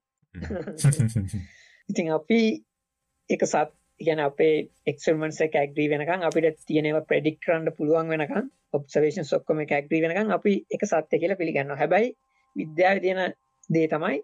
කවුරරයක කිවොත්තම මේක වැරදි. මේක මෙන්න මේ ඔබ්සේෂන් එක පැහැදිලි කරන්න බෑ කියලා විද්‍යාව කැමති ඒක අතරල රයිට අපි හනම් වෙන එකක් හදමු. වෙන මේක නිරෝධ්‍ය කරමු කියන එකට යන්න කැමති දැන් අපි. ඇතුත් ආගම් වගේ දේවල්වල ඕකන ඇයි නිතහසන එතකොට ඒක තමයි ඉතින් ඇත්තරම ඉතින් විද්‍යාව යාගමයි කියන එක මම දකින්නේ ගොඩක් වෙලාවට. ඒකත් එක්තරා විදිහක ඉතින් ගැන තැන් අපි සාමාන්‍ය මනුස්සයකුට ගිහිල්ලා අපි කතා කළොත් එහෙම අපි සාමාන්‍ය කොහේරඉන්න දුප්පත් ගොවියෙක් අල්ලලා කිවොත් එම විශ්වය පටන් ගත්තේ මහා පිපරමකින් කියලා කිව්ව කිව්වොත් හරි නැත්නම් විශ්වය කියනක දෙවියන් කවුහරි දෙවි කෙනෙක් මෙව්වා කියලා කිව්වත් මමන හිතන ඒ මනුස්සයට ඔය දෙකම නික මිරකල්ස් වගේ ගැන එකම ලෙවල් එක තම තියෙන ඌට වෙනසන්න ඇදක වෙනසක් නෑව ඉතින් අර විද්‍යාව තියෙන වෙනස තමා ඔයාට පුළුවන් ඒක ඉගෙනගෙන ඉගෙන ගැන එක්ස්පරිමන්ස් වලින් මෙව කලා ඔයාට පුළුවන් රයිට් මේක හරි කියලා ඔයාට නිගමනයකට එන්න පුළුවන්. මේක තමා හේතුව. මේකට එවිඩන්ස් තියෙනවා සපෝට් කරන්න එවිඩන්ස් තියෙනවා. මෙම කරන්න පුළුවන්. ඒවාගේම විද්‍යාව අනික් වෙන එතකට දාගමක කියනක ඇත්තරම ඒ පැත්තන එවිඩන්ස් කියන කැන දැන් ඕන හැමාගමක වගේ ගොඩක් කලාවට ඒ ඉගැන ඒක සපෝට් කරන්න එවිඩන්ස් නෑ. ඒක එක්ක වෙනසක්. අනිත් එක තමා අපි අනිත් ආගම් හා විද්‍යාතර ඉතින් අනිත් වෙනස තම ආගම් හරි අනිත් හරිය අපි විශ්වාසයන් වල වෙනස් තම විද්‍යාව ඉතින් කවුරර ඒකට චලේංච් කවත් හරි එහෙමනටම් පැදිලි කරන්න බැරිමක් කර දෙයක් කවත් විද්‍යාව ටක්ගල් ප්‍රශ්නයන්න එක වෙනස් කරලා අලුත් තීර එකක්. ඒක වෙනස්වෙන්ට ලෑස්ති. එතකොට ඒක විද්‍යා ඉතින් පරම සත්‍යය කියල එකක් නැහැ ඒක සත්‍ය කෙන එක කලින කාලී නයි එක අපේ අප ඔබ්සවේෂන්ස් වලට අපි දන්න විශ්වය ගැන දන්න දේවල්ලට සාපේක්ෂයි. එතකොට මේ දැම් මවුම්බේ මෙහම ප්‍රශ්නයක් කිවොත් දැම්බ කිව්වනේ ඔය සමහර ආගම්වල කියපුවා අරහෙ මේ ඔප්පු කරන්න දැනට එවිඩන්ස් නැහැ කියලා. හැබැයි දැන් ඔය ම ගොඩක් දැකල තියන දෙයක් තමයි ඔය මේ මම මේ ආගංවලට මුත් එහෙම ගරනේ ම මට සිරාට දියන විලිතින ප්‍රශ්නයක් ම මේ කියන්න. දැන් දැන් ගොඩක් ඔය ආගම් වල එහෙම ඉන්න පොරවල් කියන කතාව තමයි අපේ ආගමෙන් කියපු අවුදු ගානට කලින් කියප එක. දැන් විද්‍යාවෙන් සනතලා තියනගේ උන් කියනවා. මේ ද උදාහරණකට දැන් ඔය මම දැකලා තියෙනවා ගොඩක් පොරවල් කියනවා. මේ දැන් උඹගේ උඹේ ආච්චිගේ සීන් එක.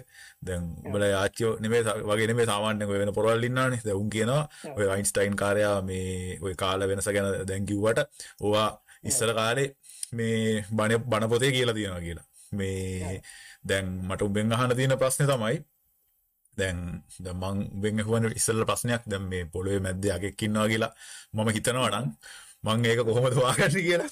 දැන් එතකොට දැන් විද්‍යාවේ නම් මොකක් හරි හැමතිස්සෙම මොකක් හරි මේ ප්‍රොසෙස් එකක් තියෙනවනේ මේ දැනුම හොයාගන්න. ඒ කියන්නේ දැන් අර දර්ශනෙත්තර අංශයක් තියෙනවනේ මොකද එපිස්ටමොලොජි කියලා. ඒ කියන්නේ දැනුම හොයාගන්න එක එක ක්‍රමවේද තියෙනවා.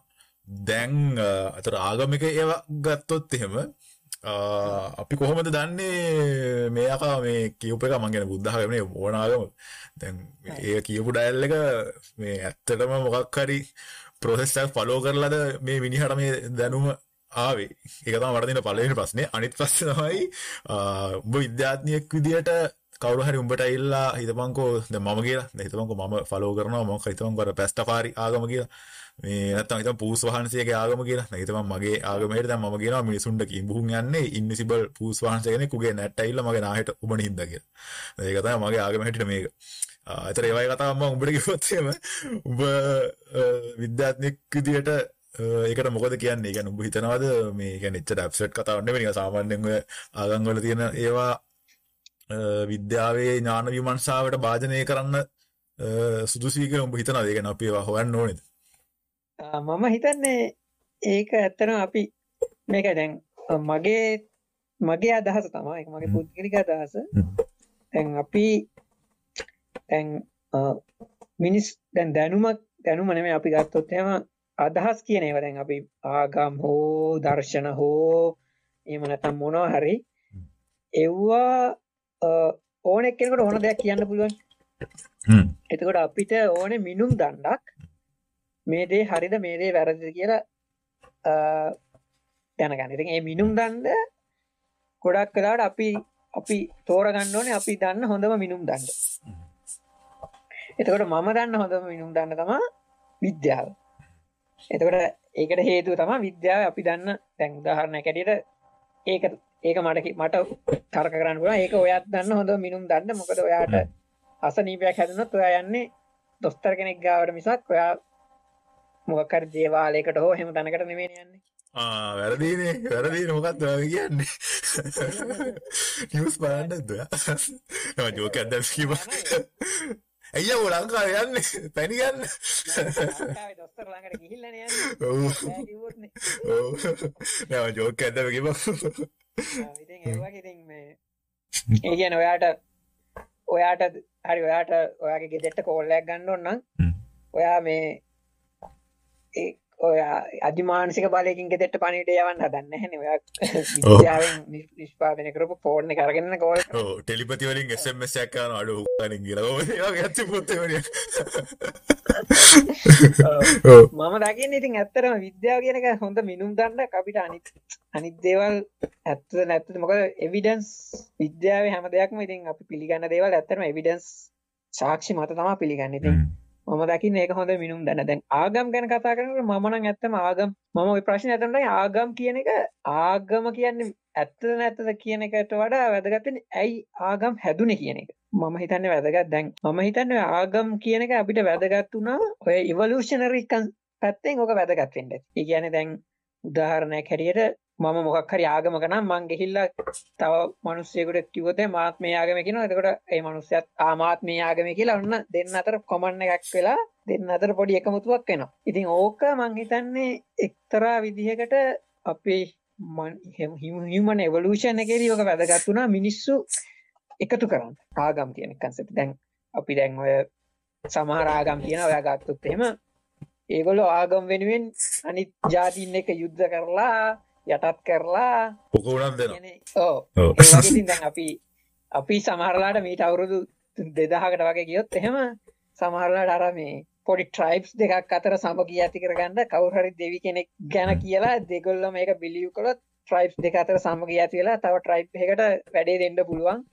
ඒ වගේ එවලූෂන් ඇඩ්වාන්ටේජ් එකක් තියෙන්න ඇති. ඒක හන්ද තම ආගම් වගේ දේවල් කියන දෙවිවරු ගැන සංකල්ප ඒව ඇතිවෙන්න ඇත්තේ ඉතින් ඒක අපි ඊට පස්සේ ඒක ඉතින් පස්සේ පාවිච්චුනා සමහර හැට්ටියඉතින් අපි ආගමික නායකව එක ඉතින් බිස්නස් එකක් කලා ඉවස මිනිස් ඉතින් සාමාන්‍යෙන් කැමතිනේ ඕ- ඕන දෙයක් ඉතින් විශ්වාස කරන්න. එකන්නේ ඒකන දැන් විද් සරල එකන අපි තේරුම් ගණඩ බැරි දේවල් නිකන් අර මිරකල්ස් විදියට දුන්නොත් මිනිස්සු කැමති ඒ වගේ දේවල්. ඒක මං හිතන්න එක සමහරයට අපේ පරිනාමයෙන් අපිට ලැබිච්ච දෙයක් වෙන්න ඇති. එකන අපි සවයි වෙන්ඩ ඉතින් ඒ ඒකහට දැන්න ඉතින් ගොඩක්වාට ආගම් කියන්න බොහෝ වෙලාවට දැන්න අපිට ඒක ඔන්න ආගම් කියන සංකල්පය.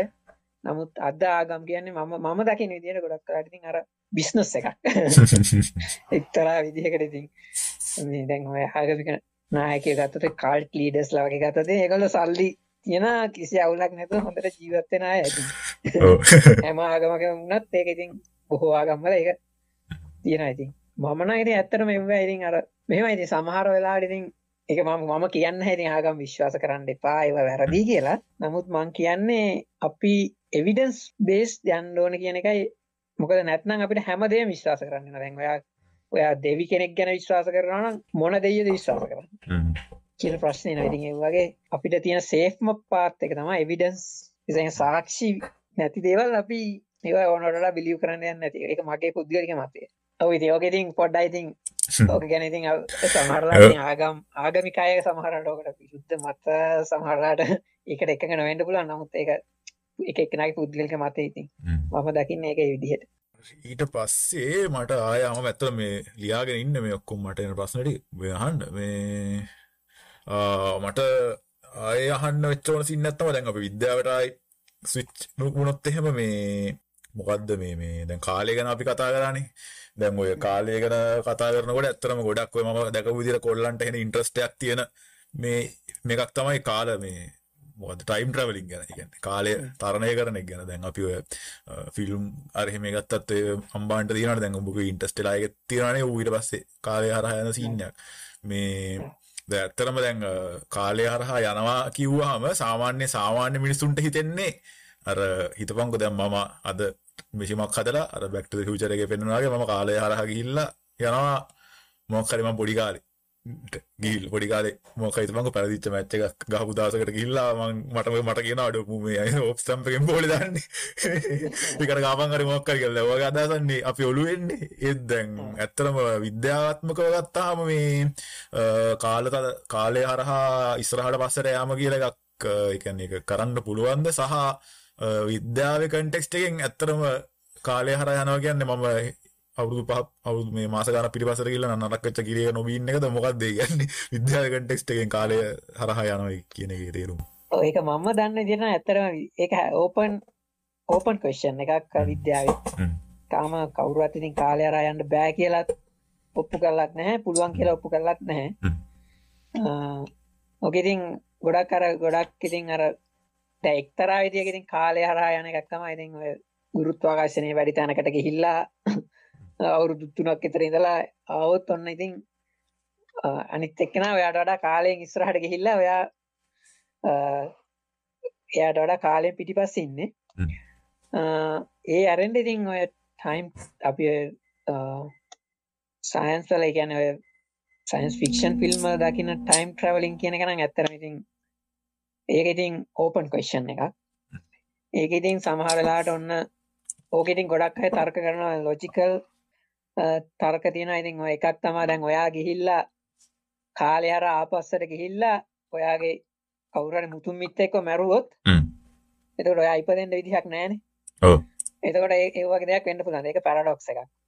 ඉතින් ඕවට දැන් ඒක එතකොට සමහර අය තර්ක රයිට් ඒ හින්දා කාලතරණය කියන එක ඉම්පොසිබල් ලොජිකලි හැබැයි ඕකටත් ඉතින් පැහැදිලි කිරීම් තියෙනවා. දැන් විද්‍යාවේ තියෙනවා? මෙනි වර්ල්ඩ් ඉන්ටර්ප්‍රිටේෂන් කියලා එකක් තියෙනවා. ඒක කියන්නේ ඔයා කියන්නේ ඔයා කාලය හරහා ගිහිල්ලා කාලය හරහා යනවා කියන්නේ ඔයා ඇත්තටම මේ වර්ල්ඩ් එකේ නෙමෙයි ඔයා සමාන්තර තලයක තමයි වෙනස කරන්නේ.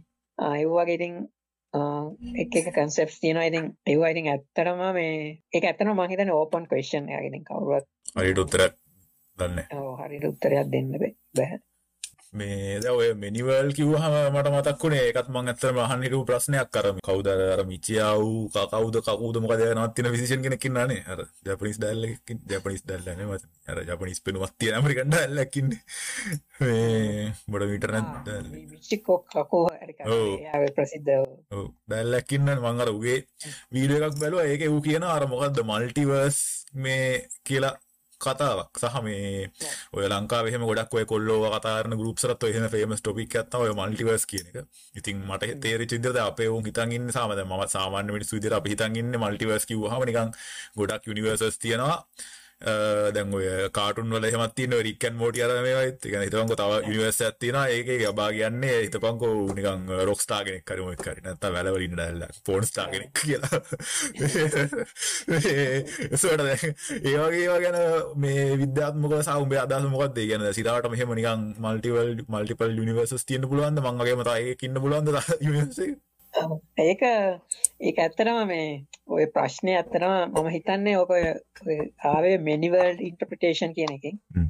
ඒ කියන්නේ දැන් ඕක ඔය ඇත්තටම මේ ඕක ඕක මම දකින්න දැන් අපි විද්‍යාව ගත්තොත් එහෙම ඒකේ මේ අපි කතා කරන්නේ මේ ඔක probabilities ගැන. ඒ කියන්නේ දැන් අපි ගත්තොත් එහෙම ක්වොන්ටම් ක්වොන්ටම් අපි ක්වොන්ටම් කාසියක් කියලා හිතමුකෝ. මොකක් හරි ක්වොන්ටම් වර්ල්ඩ් එකේ තියෙන කාසියක්.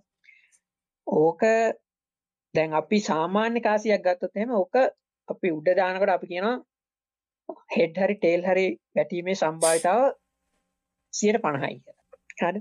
හැබැයි ඕක ඇත්තටම කම්පලීටලි හැන්ඩම් එකක් නෙමේ ඒක ඇත්තනම හෙඩ්ද ටේල්ද වැටෙන කෙනක ප්‍රඩික් කරන්න පුළුවන් අපිට හරියටම කොහොමද කාසිය උඩ දාන්නේ? ඊට පස වායු ප්‍රතිරෝධය ඒව ඔක්කොම අපිට හරියට දන්නවනම් අපිට ඉක්වේෂන් එකක් ලියලා වැටෙන්න හෙද්ද ටේල්ද කියලා කියන්න පුළුව හැබැයි කොන්ටම් වල් එකට ගත අපි කොන්ටම් මැකනික්ස් කොන්ටම් ෆිසික් ගත්තොත්තහෙම ඒක ඔය කොන්ටම් කාසියක් කියල එකක් තියෙන කියලා හිතලා එක උඩ දැම්ම ඒක ඔයාට කිසිම මැතමටිකල් ඊක්වේෂන් එකින් ප්‍රඩික් කරන්න බැහැ හෙද්ද තේල්ද වැටෙන. ගැන රැන් එක කම්පිට රැන්ඩම් ඒකන දැන් ඇත්ත ලෝකේ අපි කාසියක් උඩදාන එක දැන් සාමාන්‍යෙන් අපි විද්‍යාවේ කියන් විද්‍යාව සොරි දැන් ස්කොල පොඩිකාලය මැත්සර හෙම කරදදි මේ ඒක අහඹු සිදුවීමක් කියලා ඉගෙන ගත්තට උඹගන්න ඒක අහමුණෑ ගැනද ඇත්තර මගේ අතහෙල්ලෙන මගේ අතෙන් කාසිය උඩට විසික්වෙන වේගෙයි උඩ උඩ තිබ්බ මොන පැත්තද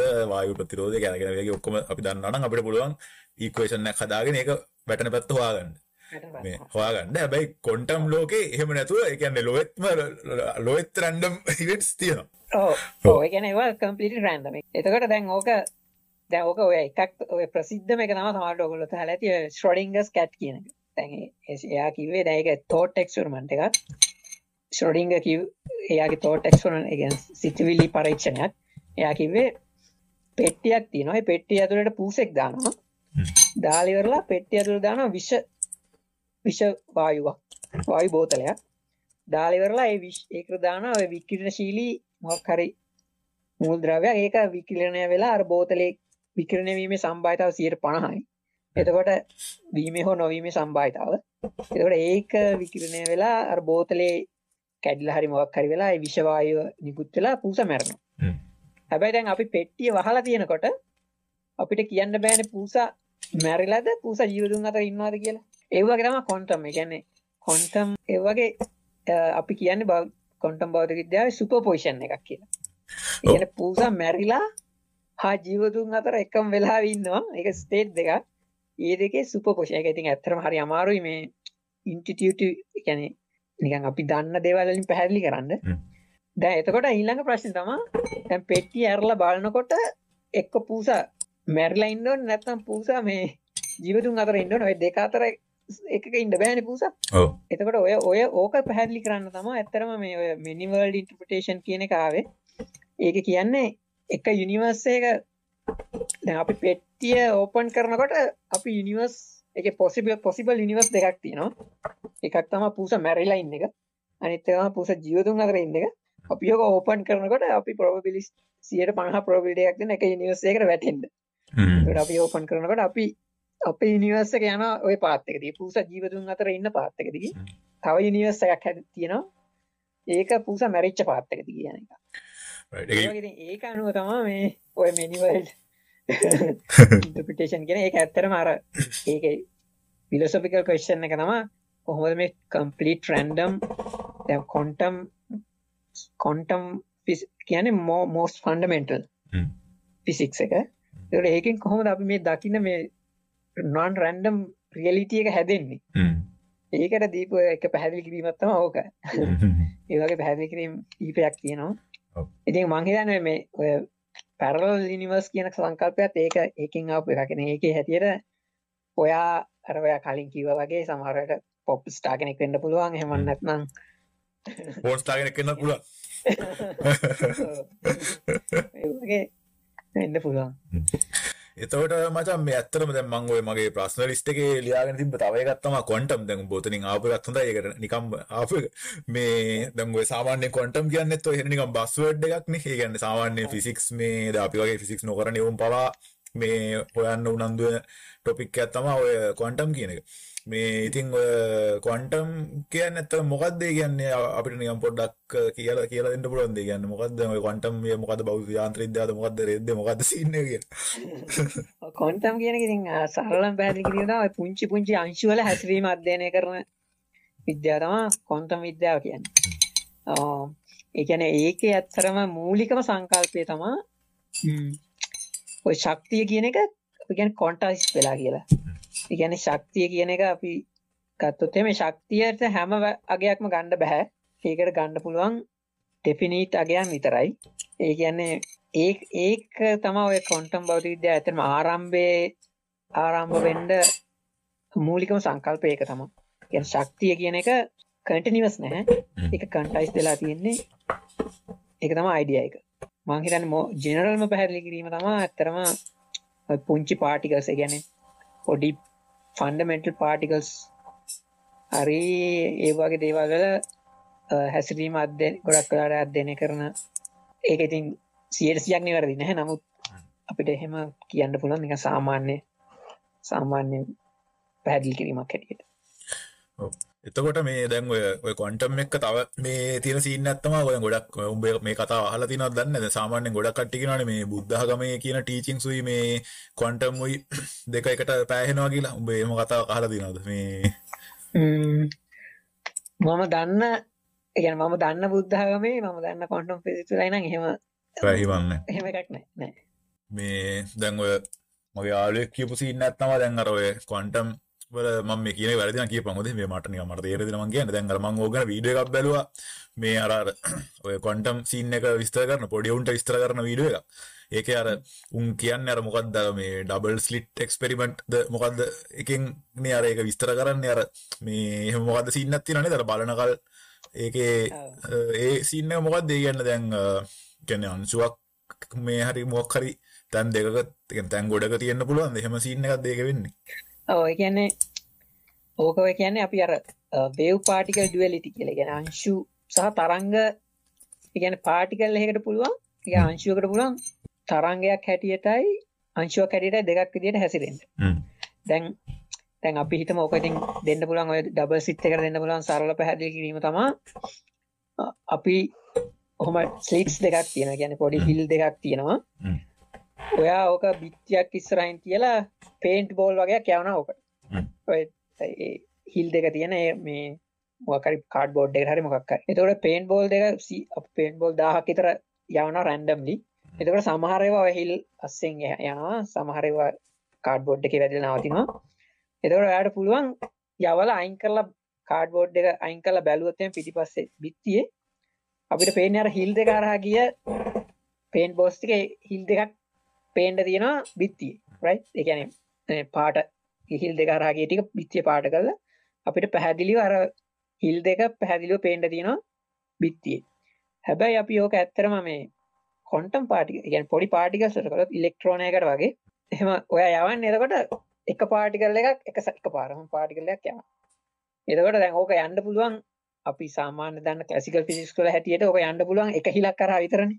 එතකොට එක හිලක් කරා ගියොත් ඕක වැටෙන්න පුළුවන් නිකන් එක තැනක විතරයි ඩොට් එක හැබැයි ඇත්තටම ඕක අපි කොලොත් එහෙම ඒ වගේ ඉලෙක්ට්‍රෝන 1000ක් විතර ඔහම යවුවොත් එහෙම තිරයක් කියලා පිටිපස්සේ ඒක ඇත්තරම තියෙන්නේ අර මේ ඉන්ටර්ෆරන්ස් පැටර්න් එකක්. ඒ කියන්නේ ඩොට් දෙකක් නෙමෙයි තියෙන්නේ. එහෙමනම් ස්ලිට් දෙකේ හෙවණැල්ල නෙමෙයි තියෙන්නේ. හරියට අර වේව් දෙකක් තරංග දෙකක් යවුවාම එන වේව් පැටර්න් එක වගේ එකක් තමයි ඒකේ තියෙන්නේ. ඉතින් දැන් ඕකේ ප්‍රශ්නේ තමයි අපි ක්ලාසිකලි බැලුවොත් එහෙම වේව් පැටර්න් එකක් වෙන්න නම් හරි ඉන්ටර්ෆරන්ස් එකක් හරි වෙන්න නම් පාටිකල්ස් දෙක කියන්නේ පාටිකල්ස් එක එකපාර හිල් දෙක අරහම යන්න ඕනේ. ඔව්. හැබැයි දැන් අපි පාටිකල් අපි ක්ලාසිකල් ෆිසික්ස් වල හැටියට ඒක යන්න පුළුවන් බෝලයක් නම් ඕක යන්න පුළුවන් එක හිලක් කරා විතරයි. ඉතින් ඒක තමයි ඔය මේ වගේ තමයි ඒක පාටිකල් එකට එක වෙලාවේ තැන් දෙකක තියෙන්න පුළුවන්. හ්ම්. ක්වොන්ටම් ක්වොන්ටම් කියන්නේ ඉලෙක්ට්‍රෝන එකකට වගේ. ඒක හන්ද තමයි ඇත්තටම අපි දකින්න වේව් පැටර්න් එක. එතකොට ඒක ඔබ්සර්ව් කරාම නිශ්චිතාවයක් ගන්නවා කියන්නේ මොකක්ද ඒ කියන්නේ ඒ කියන්නේ ඇත්තටම ඔබ්සර්ව් සහ ඔබ්සර්ව් කරනවා කියන්නේ මොකක්ද ඒ කියන්නේ ඒක මේ විෂුවලි බලනද? මොකද? මෙෂර් කරනවා. මිෂ කරන හරි. ඔව්. දැන් ඒ කියන්නේ උදාහරණයක් හැටියට ඒක හොඳම උදාහරණය තමයි දැන් අපි මොකක් හරි පාටිකල් එකක් ගත්තොත් අංශුවක් ගත්තොත් එහෙම අපි හිතමු ඕකට ස්ටේට් දෙකක් තියෙන්න පුළුවන් කියලා. තියෙන්න පුළුවන් මේවා දෙකක් හැබැයි ඕක තියෙන්නේ ක්වොන්ටම් වර්ල්ඩ් එකේ ඔය දෙකේ සුපර්පොසිෂන් එක. සුපර්පොසිෂන් එක කියන්නේ ඒක හරියටම කියන්න බෑ දැන්. ඒක පැහැදිලි කරන්න පුළුවන්. ඒ ඒ ස්ටේට් දෙකේම මොකක් හරි අග්ගයක තමයි තියෙන්නේ. හරිද? ඒක එක මේ ස්ටේට් එකෙත් නෙමෙයි මේ ස්ටේට් එකෙත් නෙමෙයි. අපිට කියන්න බෑ මේ ස්ටේට් එකෙත් නෙමේ තියෙන මේ ස්ටේට් එකෙත් නෙමේ තියෙන අර නිකන් අර බුද්ධාගමේ තියෙන අර චතුස්කෝටික තර්කය දාන්න වෙනවා ඒකට. ඊට පස්සේ ඊට පස්සේ හැබැයි අපි ඕක බැන්නොත් හෙම ඕක තියෙන එකක. ඒතට අපි කියන්නේ විය් ෆංක්ෂන් එක කලප්සෙනවා කියල තම කියන්න. ඉගැන ඒක එකාගේකට වැටෙන එතකට ඕක පැහැදිලි කරන්නවා ඔය දැන්ව ඇත්තනවා ඉන්ටපි ඔයකිව පැරල් නිවස් මිනිවල් ඉන්ටපිටේෂන් කියන එකත් එක්තර විදික ඕක පැහැදිලි කරන්න අප එක. එක නිවර්ස එකක එක. අපි ඔබ්සව කලාට පස්සේ එක අපි එක නිවර්ස එකට වැටනවා. අනිත්‍ය නිවස් එක පැරල් නිවස් එකක් තියෙන අනිත්‍ය ස්ටේට් එක තියෙන ඒ වගේ සින් මේ අනිසින්න තමයි මේ මේ මේකන නික වචන දෙයක් මංහන් අර දැම්මන් අහලා තියෙන හැමතැනම ඔය ක්වොන්ටම් කතා වෙද්දි මොකක්ද අර මේ කෝපන් හේගන් මොකක්ද ලබ්බක් කියනවනේ මොකක්ද කෝපන් හේගන් මොකක්ද කෝපන් හේගන් අනිත්‍ය මොකක්ද විවරණ විවරණ. කෝපන් හේගන් විවරණ. කෝපන් හේගන් විවරණ කියන්නේ මොකක්ද කෝපන්හේගෙන් නිවරණය මටත් එක ඇත්තරම දැන් හරියට මතකනේ කෝපන්හේගෙන් නිවරණය කියන්නේ ඇත්තරම මේ මිනිවල් ඉන්ටපිටේෂන් එක වගේ එකක් තමා ඒවගේ ඉන්ටපිටේෂන්ස් ගොඩක් තියෙනවා. ගැන කොහොමද කලසිකල් ගැන කොන්ටම් වර්ල්ඩ එකින් කොහොමද කලසිකල් වර්ල්ඩ එක අපි දකින එක ඉමර්ජෙන් කියන එක තමා ගොඩක් ඉන්ටපිටේෂන් වලින් කියන්නේ මට. දැන් ඕවගේ තියෙන එකක් තමයි කොපහේගන් ඉන්ටපිටේෂන් එක. ඉට පස්ස මිනිවර්ල් ඉන්ටපිටේෂන් එක. ඉළඟට තව තියෙන කොන්ටම් ඩාවිනිසම් කියලා. ඒක මේ මෑතක දයාපු කන්සෙප් එකක්. ඒවා ඔක්කොම ඉතින් අර පැදිලි කරන්න හදන්නේ අර අර ස්පූකි කොන්ටම් ලෝකෙන් කොහොමද අපි මේ අපි මේ සාමාන්‍ය දිනදා ජීවිතය දන්න ඕක අර තව මටත් ඔය අම්බෝ කියපු හිද හොඳ දැ මටත් ඔය මං ඇත්තර මේ විද්‍යාගන මුකුත් දන්න ඇතින් මම මේ නිකම් මට හිතන විදිට ම ඔය අපේ නොනත් එක්කම හට ආගිව් කරන ගත්තමයි දැ මේ ඔය දැන් කට්ටිය කියනවන දැන් ඔය තියෙන තන හරියට දන්න කියලා මේ මොකක් දන්සුව තියෙනතන මේක දැන් ගිලස මගේ ආලුවෙක් මේ දවසක් මාත් එක කතා කරද්දි මේ ඌ කියද ඌගේ තර්කය වුණේ මේ ඌත් මේ ෆිසික්ස් කෙනෙක් නෙමෙයි නිකන් මං ඔය සාමාන්‍ය මිනිහෙක් මේ දැන් ඌගේ තර්කය වුණේ ඔය දැන් ඔය ක්වොන්ටම් වල කියනවා වගේ ඔය අංශුවක පිහිටීම අපිට හරියට කියන්න බැරි කතාව නිසා ඔය ඉස්සර කාලේ ජාතක කතාවල අරම තියෙන දැන් අර තැන් දෙකක හිටියා කියලා දැන් මොකක් හරි යකෙක් හරි මොකක් හරි ඌ ගෑණියෙක් මවලා අතනක් ඉන්න ඒ ගෑණි මෙතනක් ඉන්නවා තැන් දෙකක ඉන්නවා. ඒතර ඌ කිව්වේ ඒ වගේ ඒවා ඒ කියන්නේ වෙන්න පුළුවන් ඇති කියලා මොකද ඒකට ඌගේ ජස්ටිෆිකේෂන් එක තමයි අර ක්වොන්ටම් වල ඔය අවිනිශ්චිතභාවය. ඊට පස්සේ දැන් මං ඌට කිව්වේ මේ දැන් ඔය ඕක අංශු ලෙවල් එකේනේ දැන් ඔය ඔය තියරි දාලා තියෙන්නේ දැන් මිනිහෙක් කියන්නේ ඌ ඌ ඒ ලෙවල් එකේ නෙමෙයිනේ ඌ ඇල්ල අංශුලෙන් හැදිච්ච ලොකු ඔබ්ජෙක්ට් එකක්. මට හිතන විදිහට. එතකොට දැන් මිනිහා කියන ලොකු සතාට අර තියරීම අපිට ඇප්ලයි කරන්න පුළුවන් දෙයක්. අපිට කියන්න පුළුවන් ද අංශු ඔක්කොම විස්තරිතා. ඒක ඔයාගේ තර්කේ හරි. ඒක ඇප්ලයි කරන්න බෑ. ඒක ඇත්තටම මේ ඒකට ඒක ඇත්තටම බෝ ඉන්ටර්ප්‍රිටේෂන් මම හිතන්නේ ඒක නීල්ස් බෝත් එක පැහැදිලි කරලා දිනවා. ඉතින් ඒක ඇත්තටම මේ ඒ කියන්නේ ලොකු පාටිකල්ස් වලට ඇත්තටම මේ ඒක මැතමැටිකලිත් පෙන්වන්න පුළුවන් ලොකු සිස්ටම්ස් වලට ඇත්තටම මේක මේ ඒ කියන්නේ ක්වොන්ටම් ඒවා වළංගු වෙන්නේ නැහැ ඇත්තට. ඒ කියන්නේ මිනිස්සු මිනිහෙකුට ඒක හරියන්නේ නැහැ. එල්ල එල මට සතුටුයි. ඔව් ඒක ඉතින් ඒක ඒක හොඳ පැහැදිලි කිරීමක් ඒ කියන්නේ ඔයාගේ පැත්තෙන්. මම දකින විදිය. එල කිරීමට මාර සතුටුයි. මේක මම යාළුවට වෙන්නන්න ඕනේ ගෝන් කෑයියා උඹට දැන් සතුටුද කියලා. ඒක රෙකෝඩින් එක උඩ මම පෙන්නනවා. අනිත් එක මේ දැන් ඔය ඇත්තටමයි භෞතික විද්‍යාව හැටියට දැන් පිහිටීම සමහර ගැන අප පාටිකලයක් ගත ඒක සමහර දේවල් තියෙනවා දෙක එක පාර මයින්ඩ බැහැ එකක් තමා මේ එයාගේ පොයිෂන් එයාගේ පිහිටීම එයාගේ මෝමෙන්ට එහමනත වේගයයි. ඒ දෙක අපිට එක පාර නිර්වද්‍යව මයින්ඩ බෑ. ඔයා පිහිටීම නිර්වද්‍යව මැන්නොත් එයාගේ වේගය අපිට නිර්වද්‍යව මයින්ඩ බෑ. ඒවගේ මයගේ වේගේ හරිහමට අපි ගැන් මෝමෙන්ටම කියලා ගම්මතාව ටික වේග කිය හිතන්න පුළුවන්. වේගේ මැන්නොත් ඔයාට මෝමෙන්ටම් එක හරියට මයින් සොරි පොයිෂන් එක හරියට මයින්ඩ බෑ. බෞද් ඒගැන කොන්ටම් බෞතිද තින සමහර තේවල් තියෙනවා. ඒ දෙක අපිට එක පාර සියරසියක් ඇකිවරටල් මයින්ඩ බෑ. එමිසක් ඇත්තරම අපිට පුළන් මොමෙන් පොයිෂන් එක හරියට මයින්ද පාටිකල් ඒක හැබෑ එහෙම මැන්නොත් අපිට යාගේ අනිත් අනිත් කොන් රාශය මයින්ඩ බැහරිත් එලකිරි ඒවගේම මේ මට තිබ තව ප්‍රශ්නයක් තමයි සහ මේ අතර ගොඩක් ඔය කට්ටිය කොමන් ලියහන ප්‍රශ්නයක් තමයි මේ අරමුණද වර්ම් හෝල්ස් මේ ගැන. තෝට මේ වර්ම් හෝල්ස් කියන්න මොනවාදේ? කියන්නේ විද්‍යාත්මෝගත්ත සාගෙන වර්ම් හෝල්ස් කියල ගැන දෙයක් තියෙනවාද? කියන්නේ ඒක උඹලගේ ඇකඩමික් ලෙවල්ල එකත් කතාන දෙද නැත්තන් නිකං පොපියුල ටොපික්යක් විතරද? ඒක ඒක ඇකඩමික් ලෙවල් එක තියෙන කියන එක ඇත්තරම මේ ඒ වර්ම් හෝල් කන්සෙප්ට එක ඇත්තරම ජනල් රේටඩි කියන සාධාන සාපක්ෂතාවාදයට ඇග්‍රී වෙනවා. හැබැයි තාම ඔප්පු කල්ලා නෑ ඒවා තියෙනවා කියලා. ඒක අයිඩිය එක තමයි ඉතින් ඇත්තනම අර මේ ඒක හරියට අර එක සරල පැහැදිලි කිරීම ස්පේස් එක හරහා තියෙන්න පුළුවන් ටනල් එකක්. හැබැයි හය ඩයිමෙන්ෂන් එක. ඉතින් ඒක හන්ද අපිට ආලෝක වර්ෂ මිලියන ගානක දුරක් සමහරලාට බොහොම සුළු දුරක්. ඉගෙන ෂෝට් කට්ටයක් වගේ. ඒක දැන් හොඳම උදාහරණයක්. සාමාන්‍ය ගොඩක් අය දෙන උදාහරණයක් තමා අපි කඩදාසියක් ගන්ට කියන්න කඩදාසි අපිට හිතන්න පුළුවන් දවිමාන ලෝකයක් කියලා. කඩදාසිය උඩ කුම්බියකින්න කියල හිතන්න එතට කුම්බිය දන්න කුම්බිය උඩ ගැන අයිඩියක් නෑ කුම්බියට අයිඩියක තියන්නේ මේ පැතලි තලය තමා මේ කුම්බිය දන්න විශ්වය. එතකට කුම්බියට මෙතන ඉඳම් කඩදාසිය එක පැත්තගෙන අනි පැත්තට යන්ඩ දුර ගොඩක් වැඩීනේ හැබැයි අපි කූම්බිය හොය කඩදාසිය මෙහෙම කළ නැමුවොත් නම්මල අර තැන් දෙක එකට ගෙනාවත් එතකොට ඒ දෙක අතර දුර වැඩි.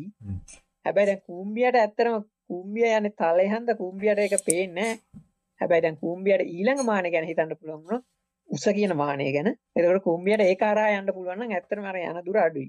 ඒ වගේ කන්සෙප්ට් එකක් තමයි ගෙන අර අවකාශ කාලයේ එක්තරා විදි අර වක්‍රතාවය හන්දා අපිට පුළුවනි මේ කියන දුර හෝල් එක අවකාශය තියෙන හෝල් එකක් වයි සිදුරක් විශ්වය තව තැනකට යන්න එතවට දැන්ගේ වම් හෝල්ස් කියනව තාම මේ හෙම හවාගෙන නැද නික තාම නිකන් තීරි මට්ට විතරයි පවති තිේරි මටම විතර ගොඩක් සයින්ස් ෆික්ෂන් වල් තමතින හැබැයි එක ජනරල් අපි දන්න බෞත තිේරිය එකන් සාධාන සාපේක්ෂතාවාදය ඒක ඒක පවතිනවා කියලා ඉතින් අපිට ඉගෙන එක ජනරල් කියන්න පුළුවන් ඉතින් එක හැබ හොයාගෙන නැතියෙන්ටත් තුලන් නැතිවෙන්නත් ඩිසක්ඩී වෙන්න.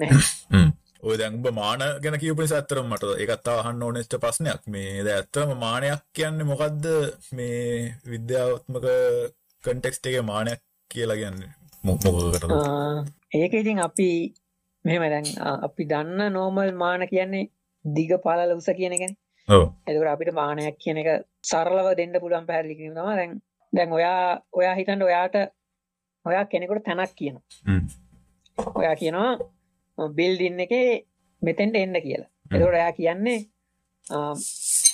බිල් ඔයා එක කියනවනම් ඔයාට ඕනේ ඇත්තරම දේවල් තුනක. කියන්නේ අපි ඔය සරලව ගත්තුත් එහෙම එක්වයිසට් කියන්නේ.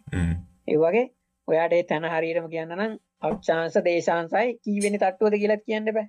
එතකොට ඒ පොයිෂන් එකෙන්නේ හරියට එතකට මානයක් කියලා කියන්නේ අපිට මොහක් හරි පොයින්් එකක් ඩිෆයින් කරන්න ඕනේ අවුම වේරියබස් ගාන කියලා අපි හිතන්න පුළුව දැන් ඕක ඕක ඊළඟ අයිඩියක තම ඔය අයින්ස්ටයින්ගෙන් පස්සේ ඕක ඉතින් අර කාලය කියන එකත් තව මානයක් කියල ගොඩක්කයි සලකනවා.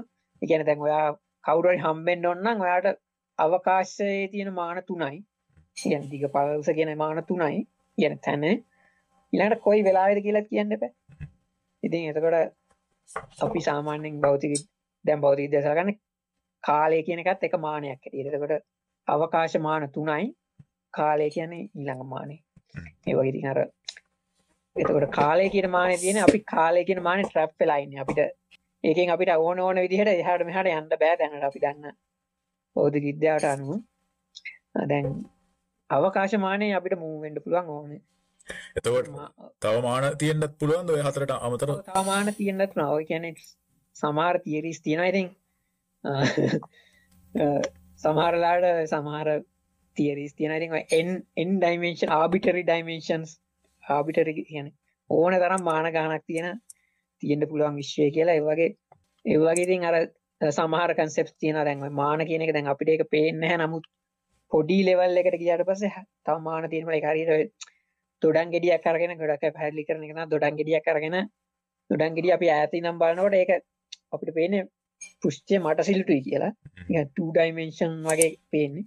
හැබැ ලංගලා බැලුවත් ඒක පේන පොඩිය වාලා ගොඩැලී තොඩන්ගෙඩිය පොත් ඉතින් ඒ වගේ සමහරයි කියන ඉතින් ඒ වගේ පොඩි හයි ඩයිමේන්ශස් තියෙන පුළුවන්. අපිට පේෙන් නැති පොඩි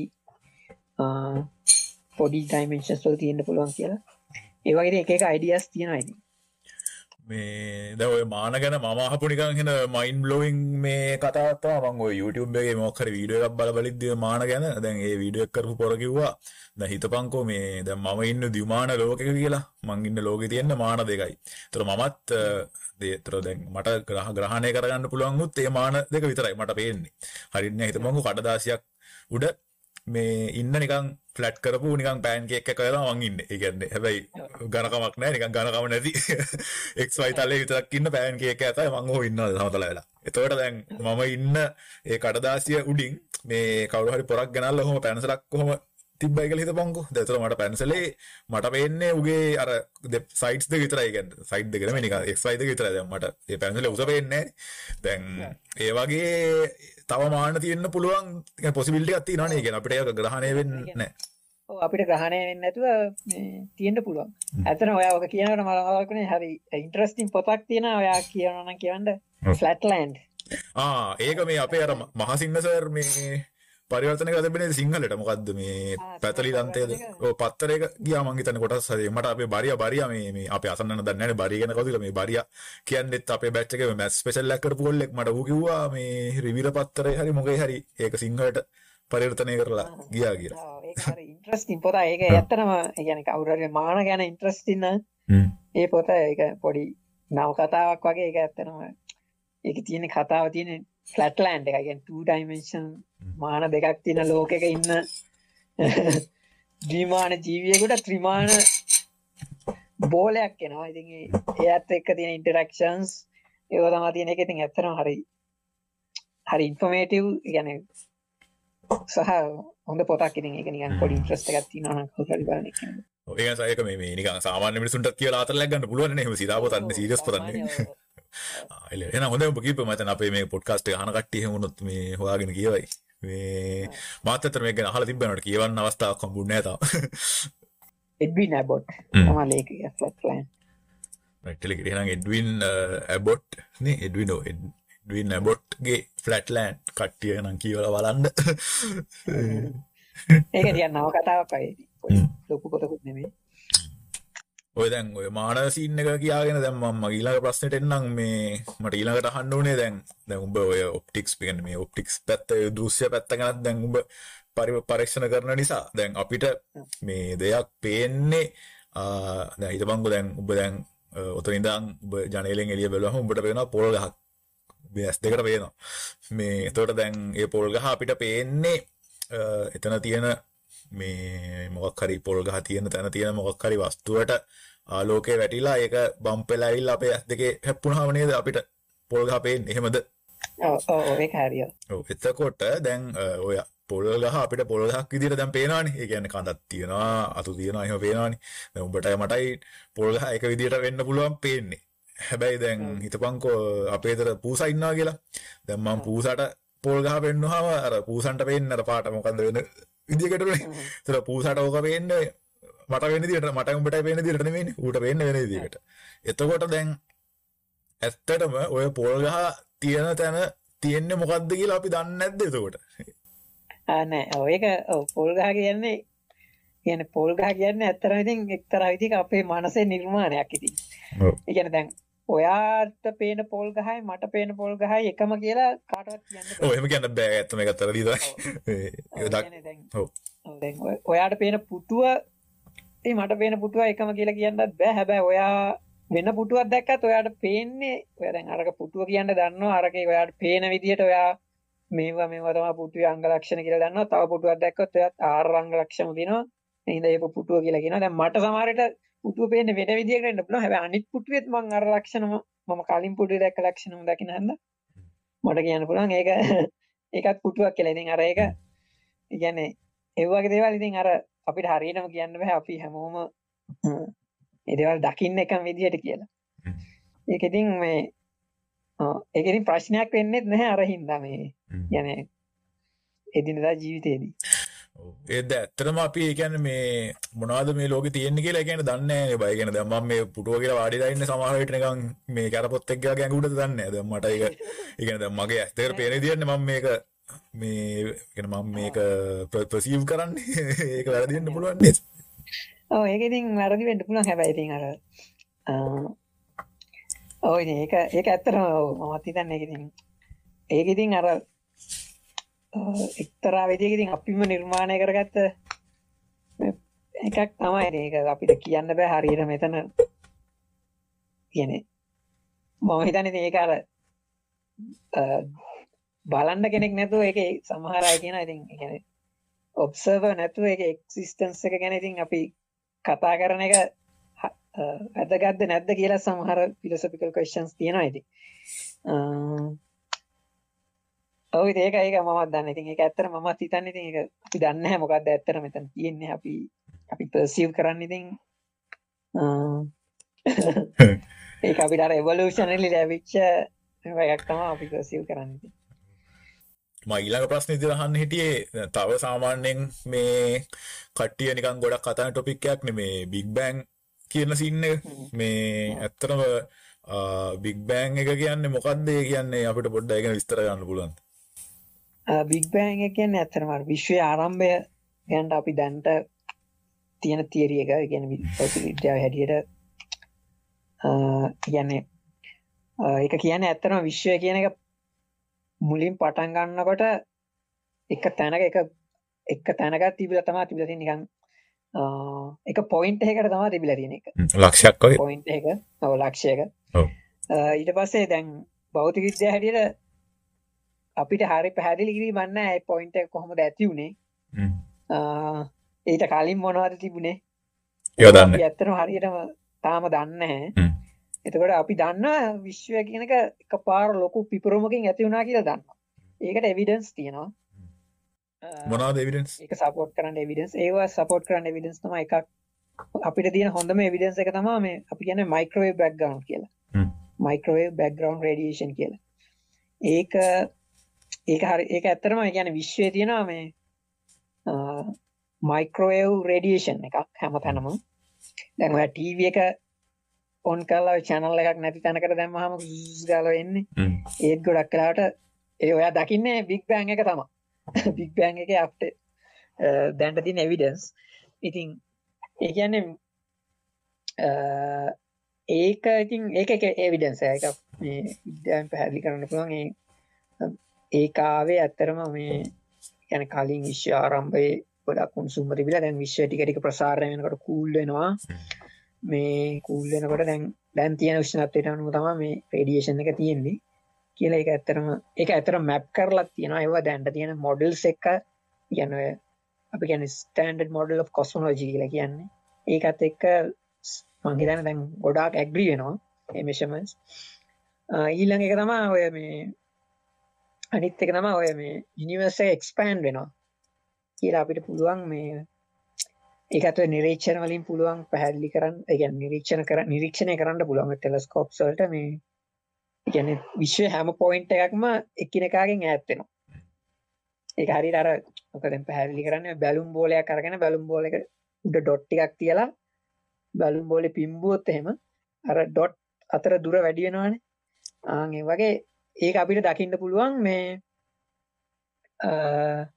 විශ්වයේ තියෙන මන්දාකිනි අතර. ආය අතර දුර එන්න එන්න වැඩි. හරි. එතකොට ඒක ඉතින් ඒකත් එක එවිඩන්ස් එකක්. ඒක අපි ආපස්සට ගිහින් හිතුවොත් එහෙම ඔක්කොම ඔය ආපස්සට මැප් කළොත් එහෙම ඔක පොයින්ට් එකකට එකතු එපා. හ්ම්. ඒ දෙක තව ඉතින් එවිඩන්ස් තියෙනවා. ඒ දෙක තමයි විශේෂ හ්ම්. එවිඩන්ස් දෙක ඊට පස්සේ මම අහන්න ගිය එක තමයි ඇත්තට මහනිට පොඩ පස්සට උඹම උත්තර දුන්නා. කියන්නේ මේ මේවා රෙකෝඩින් කරන් දාන්න ඕනේ දැන් මම අහන්න හිටියේ උඹෙන් දැන්. එකට කලින් අතර මොකක්ද තිබ්බේ කියලා. දැන් ඒකට උත්තරේ උඹ දුන්නානේ.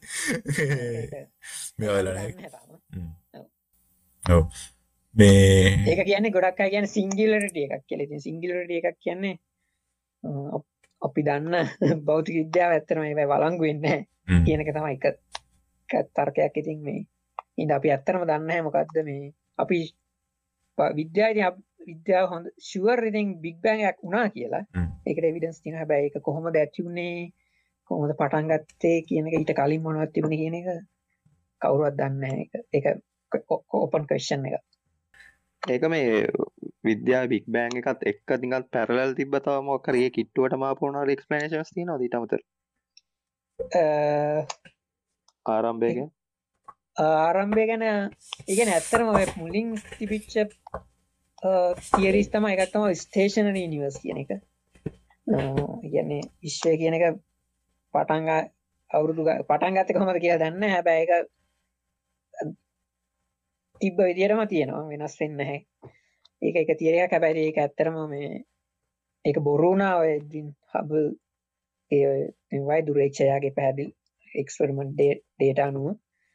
ඊට පස්සේ තව සමහර ඉනිවර්ස ගැන එකක් තමයි දැන් ස්පන්දමාන විශ්වය කියන එක. ගැන නිවර්ස කියන එක්ස්පෑන්් වෙලා අයි සංකෝචනය වෙනවා එක්ස්පෑන්් වෙනවා සංකෝචනවා ඒක අත්තිරින් ඇත්තන විනිවර්සක එන්ඩ එකමකක්ද කියලා අපි හරියටම දන්න හැතාම හැබැයි මංහිතන්න දැනට ගොඩක්යි සපෝට් කරන්නේ ඉනිවර්ස කර පොරව එක්ස්පෑන්ඩිං ඒ අයිඩිය එක තමා හැබැයිතින් අර අනිත් අයිඩියස් ස්ටේෂනරී නිවස ගැන වෙනස් වෙන්න ඇති විශ්වය කියන එක. දැන් එක බොරු. එක විඩන්සල්ට සපෝට් කරන්න එක අයින් කරලා තියෙන්නේ. අර දෙක ඉතින් තියෙනවා. ඉතින් ගොඩ මහිතන ගොඩක් අය විශ්වාස කරන්නේ මේ අර විශ්වය කියන එක දිගටම ප්‍රසාරණය වෙවී යනවා කියන එක. සමහර ඉතින් තව තව මත තියෙනවා. අපි හරියටම දන්න ඉතින් විශ්වය අවසානය මොකක්ද බික් බෑන් එකට කලින් මොකක් දුන්නේ කියන එක. පියත්තරම දන්න ඔය කතාව එකන දැන් විශ්වය ආරම්භය හොයාගෙන ගිහිල්ලා ඕකාව නැත්තම් මුලින්ම හයිපොතිරිකල ඔය කතා කන්නන්දරේ හදලා ඒකට ගලපපු සින්න එකක්ද තියෙන්නේ? ඔව් එකන ඇත්තරම එක හයිපොතටි හදන්නත් පොඩි පොඩි එවිඩන්ස් ඒගලට ඔබ්සවේෂන් වලින් තියෙන්ට ඇති. ඊට පස් ඒගොල්ලො මහාපිපුරුම් වාදය කියන කන්සෙප් එක නිර්මාණ කලා එකතින් ඇත්තරම එක ඊට පස් ඒකට එවිඩන්ස් තමා ඔය බ්ලක් මයිකරෝව් බැක්ග්‍රවන්් රඩියේෂන් එක. ඉපස අපි දුරේක්ෂවලින් කරපු එක ඔබ්සවේෂන්ස් ඒවයිතින් ගොඩක් මැප්පෙන ගැන ඉතින් ගැන එවා ගැන අපේ තියරීස් එක්ක හරියටම ගැලපෙනවා ඉතින්. හැබැයිතින් තව දැන් අප කොස්මලෝජවල් තියෙන ලොකුම කොේෂන් එකක් තම ඔය ඩාක් මැට සහ ඩාක් එනජි කියන්න මොකරද්ද කියන එක. කියන දැනට තියෙන බික් බෑන් එක උනා කියලා අපි දන්නවා. එකට විඩස් තියෙනවා. හැබැයි දැන් ඉක්වේෂන්ස් වල අපිට ඒක මොඩල් කරන්න අපිට ඕනේ. තැන් අපි විශ්වය අපි ගැනලා තියෙන දැම් තියෙන අපිට පුුවන් ස්ටිමේට් කරන්න මෙච්චර පදාර්ථ ප්‍රමාණයක් තියෙනවා මෙච්චර ශක්තියක් තියෙනවා කිය හැබැයි ඒක මදි. ඒ එව ඒක ඒගැන්නේ අපි දන්න ප්‍රමාණය සියට පහයින තව සියට අනුවක් අනු පහක් විතර මිසි ඒකට තම අපි කියන්නේ දාක් අඳුරු පදාර්ථ අඳුරු ශක්තිය කියලා කියන්න. එතකොට ඒක අපි තාම හොයාගෙන නැහැ. ඉගෙන අපි ඇත්තන විශ්වය දන්නේ පදාර්ථසා ශක්තිය සියට පහයි. ඉතුරු සියට අනු පහම අපි දන්න මේ මම ඩාක් මට ගැන ඇත්තම ප්‍රශ්නයක් අහන් හිටිය. ඒගැන්න ඩාක් මට ඩාක්කන ජිගන්න තොට දැන්ව උඹ කිවපදිට මේ මේ ලෝකේ තියෙන ස්වභාවය විස්තර කරගන්න හදපු මොඩල් එක අපිට විස්තර කරගන්න බැරි පදාර්ථයටයි එන ජිකටයි බස්සගත්ත නිකං මේ පලේ සෝල්ඩර එකක්ද? තෝට ඩාක්කන ජී ඩාක් මටරු කියල ගැන් එහෙමද? එකනේ දැන් මොඩල්ලගේ අනිතය වැඩ කරන ඉතින් ගොඩාක් අයි විශ්වාස කරනවා ඩාක් මැට කියන එක තියෙනවා කියලා. ඉගැන මොනහරි අපි අපිට පේෙන් නැති අපි දන්න දේවල් එක වැඩි ඉන්ටරක් කරන්න නැති මැටස් තියෙනවා කියලා. ඇතරම එකට එවිඩන්ස් තියෙනවා එක්ස්පරිමෙන්ටල් මේ එකන ඔබ්සවේෂන්ස් තියෙනවා හෙම තියෙන්ට පුළුවන් කියලා. එකක් තමයි ග්‍රවිටේෂනල් ලෙන්සිං ගැන ගුරුත්වාකර්ශන ලෙන්සිං යන ගුරුත්වාකර්ශනය වැඩි තැන් ගුරුත්වාකර්ශන තියෙනකොට ආලෝක තරංග හොම නැමෙනවා. නැමිල තමයි යන්න. ඉතින් එතකොට අපිට කරන්න පුලන් නැමෙන ප්‍රමාණය අනු අපිට පුළුවන් ස්ටිමේට් කරන්න කොච්චර මෙතන මේ පදාර්ථ ප්‍රමාණයක් තියෙනවාට කියලා. ඊටවස අපිට පුළුවන් ඇස්ට්‍රොනමි වලින් සාමාන්‍ය ස්ටිමේට් කරන්න එක දුරේක්ෂ වලින් ඒක කියන කොච්චර මෙතන පදාර්ථන අපිට පේන්ඩ තියෙනවාද කියලා. එතකොට දැන් අර ඇත්තර මර කැල්කුලේට් කරපු ප්‍රමාණය අර නැමෙන්ඩ ඕනේ කැල්කුලේට් කරපු පදාර්ථ ප්‍රමාණයත් අපිට පේන ගාන්ට වඩා වැඩි එහිද අපි දන්නවා රයිට් මේක මොකක් හරි අපි නොදන්න අපිට නොදකින පදාර්ථ ප්‍රමාණයක් තියෙනවා ඉතින් ඒක තමයි අපි කියන්නේ ඩාර්ක් මැටර් කියලා. එතකොට අපි ඒක තියෙනවා කියලා දන්නවා මොකක් හරි.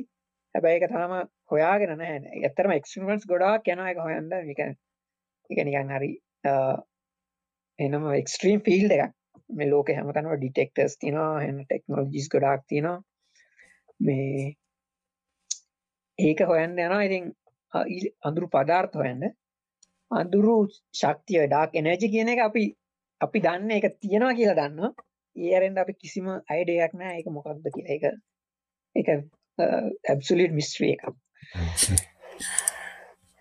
මේ එතෝට දැන් මේ ඔද ඕගැන කිවපින්ද නිකං සයින්ස් සයින්ටිස්ට් කෙනෙක් වශයෙන් සයින්ස් ෆික්ෂන් මූවී සරමයා ගත්තොත් තුඹට හිතන විදියට මේ සයින්ටිෆිකලි ගොබ්බ නැති උඹ කැමසි සයින්ස් ෆික්ෂන් මූවිස් මොනාද අපේ කට්ටියට බලන්න රෙකමෙන්ඩ් කරන්න පුළුවන්? ඉන්ටෙස්ටල බලන්න. ඉන්ටෙස්ටල මොකද ඉන්ටෙස්ටල එක ස්ක්‍රිප් එක ඇත්තරම චෙක් කළේ කිප්තෝන්ද මොකද නැල්ලගෙන උට උට නොබෙල් තෑගකු සම්පුරනේ නොබෙල් ප්‍රයිස් හම ඉතිං ඒක ඉතින් එක එකන ඒක ඉතින් සමහර දේවල් තින ඉතින් අර මූවී මූවියකට ඕන වෙන්ට පොඩ්ඩයිකල වෙනස් කර පැ පේසික් කන්සෙප් එක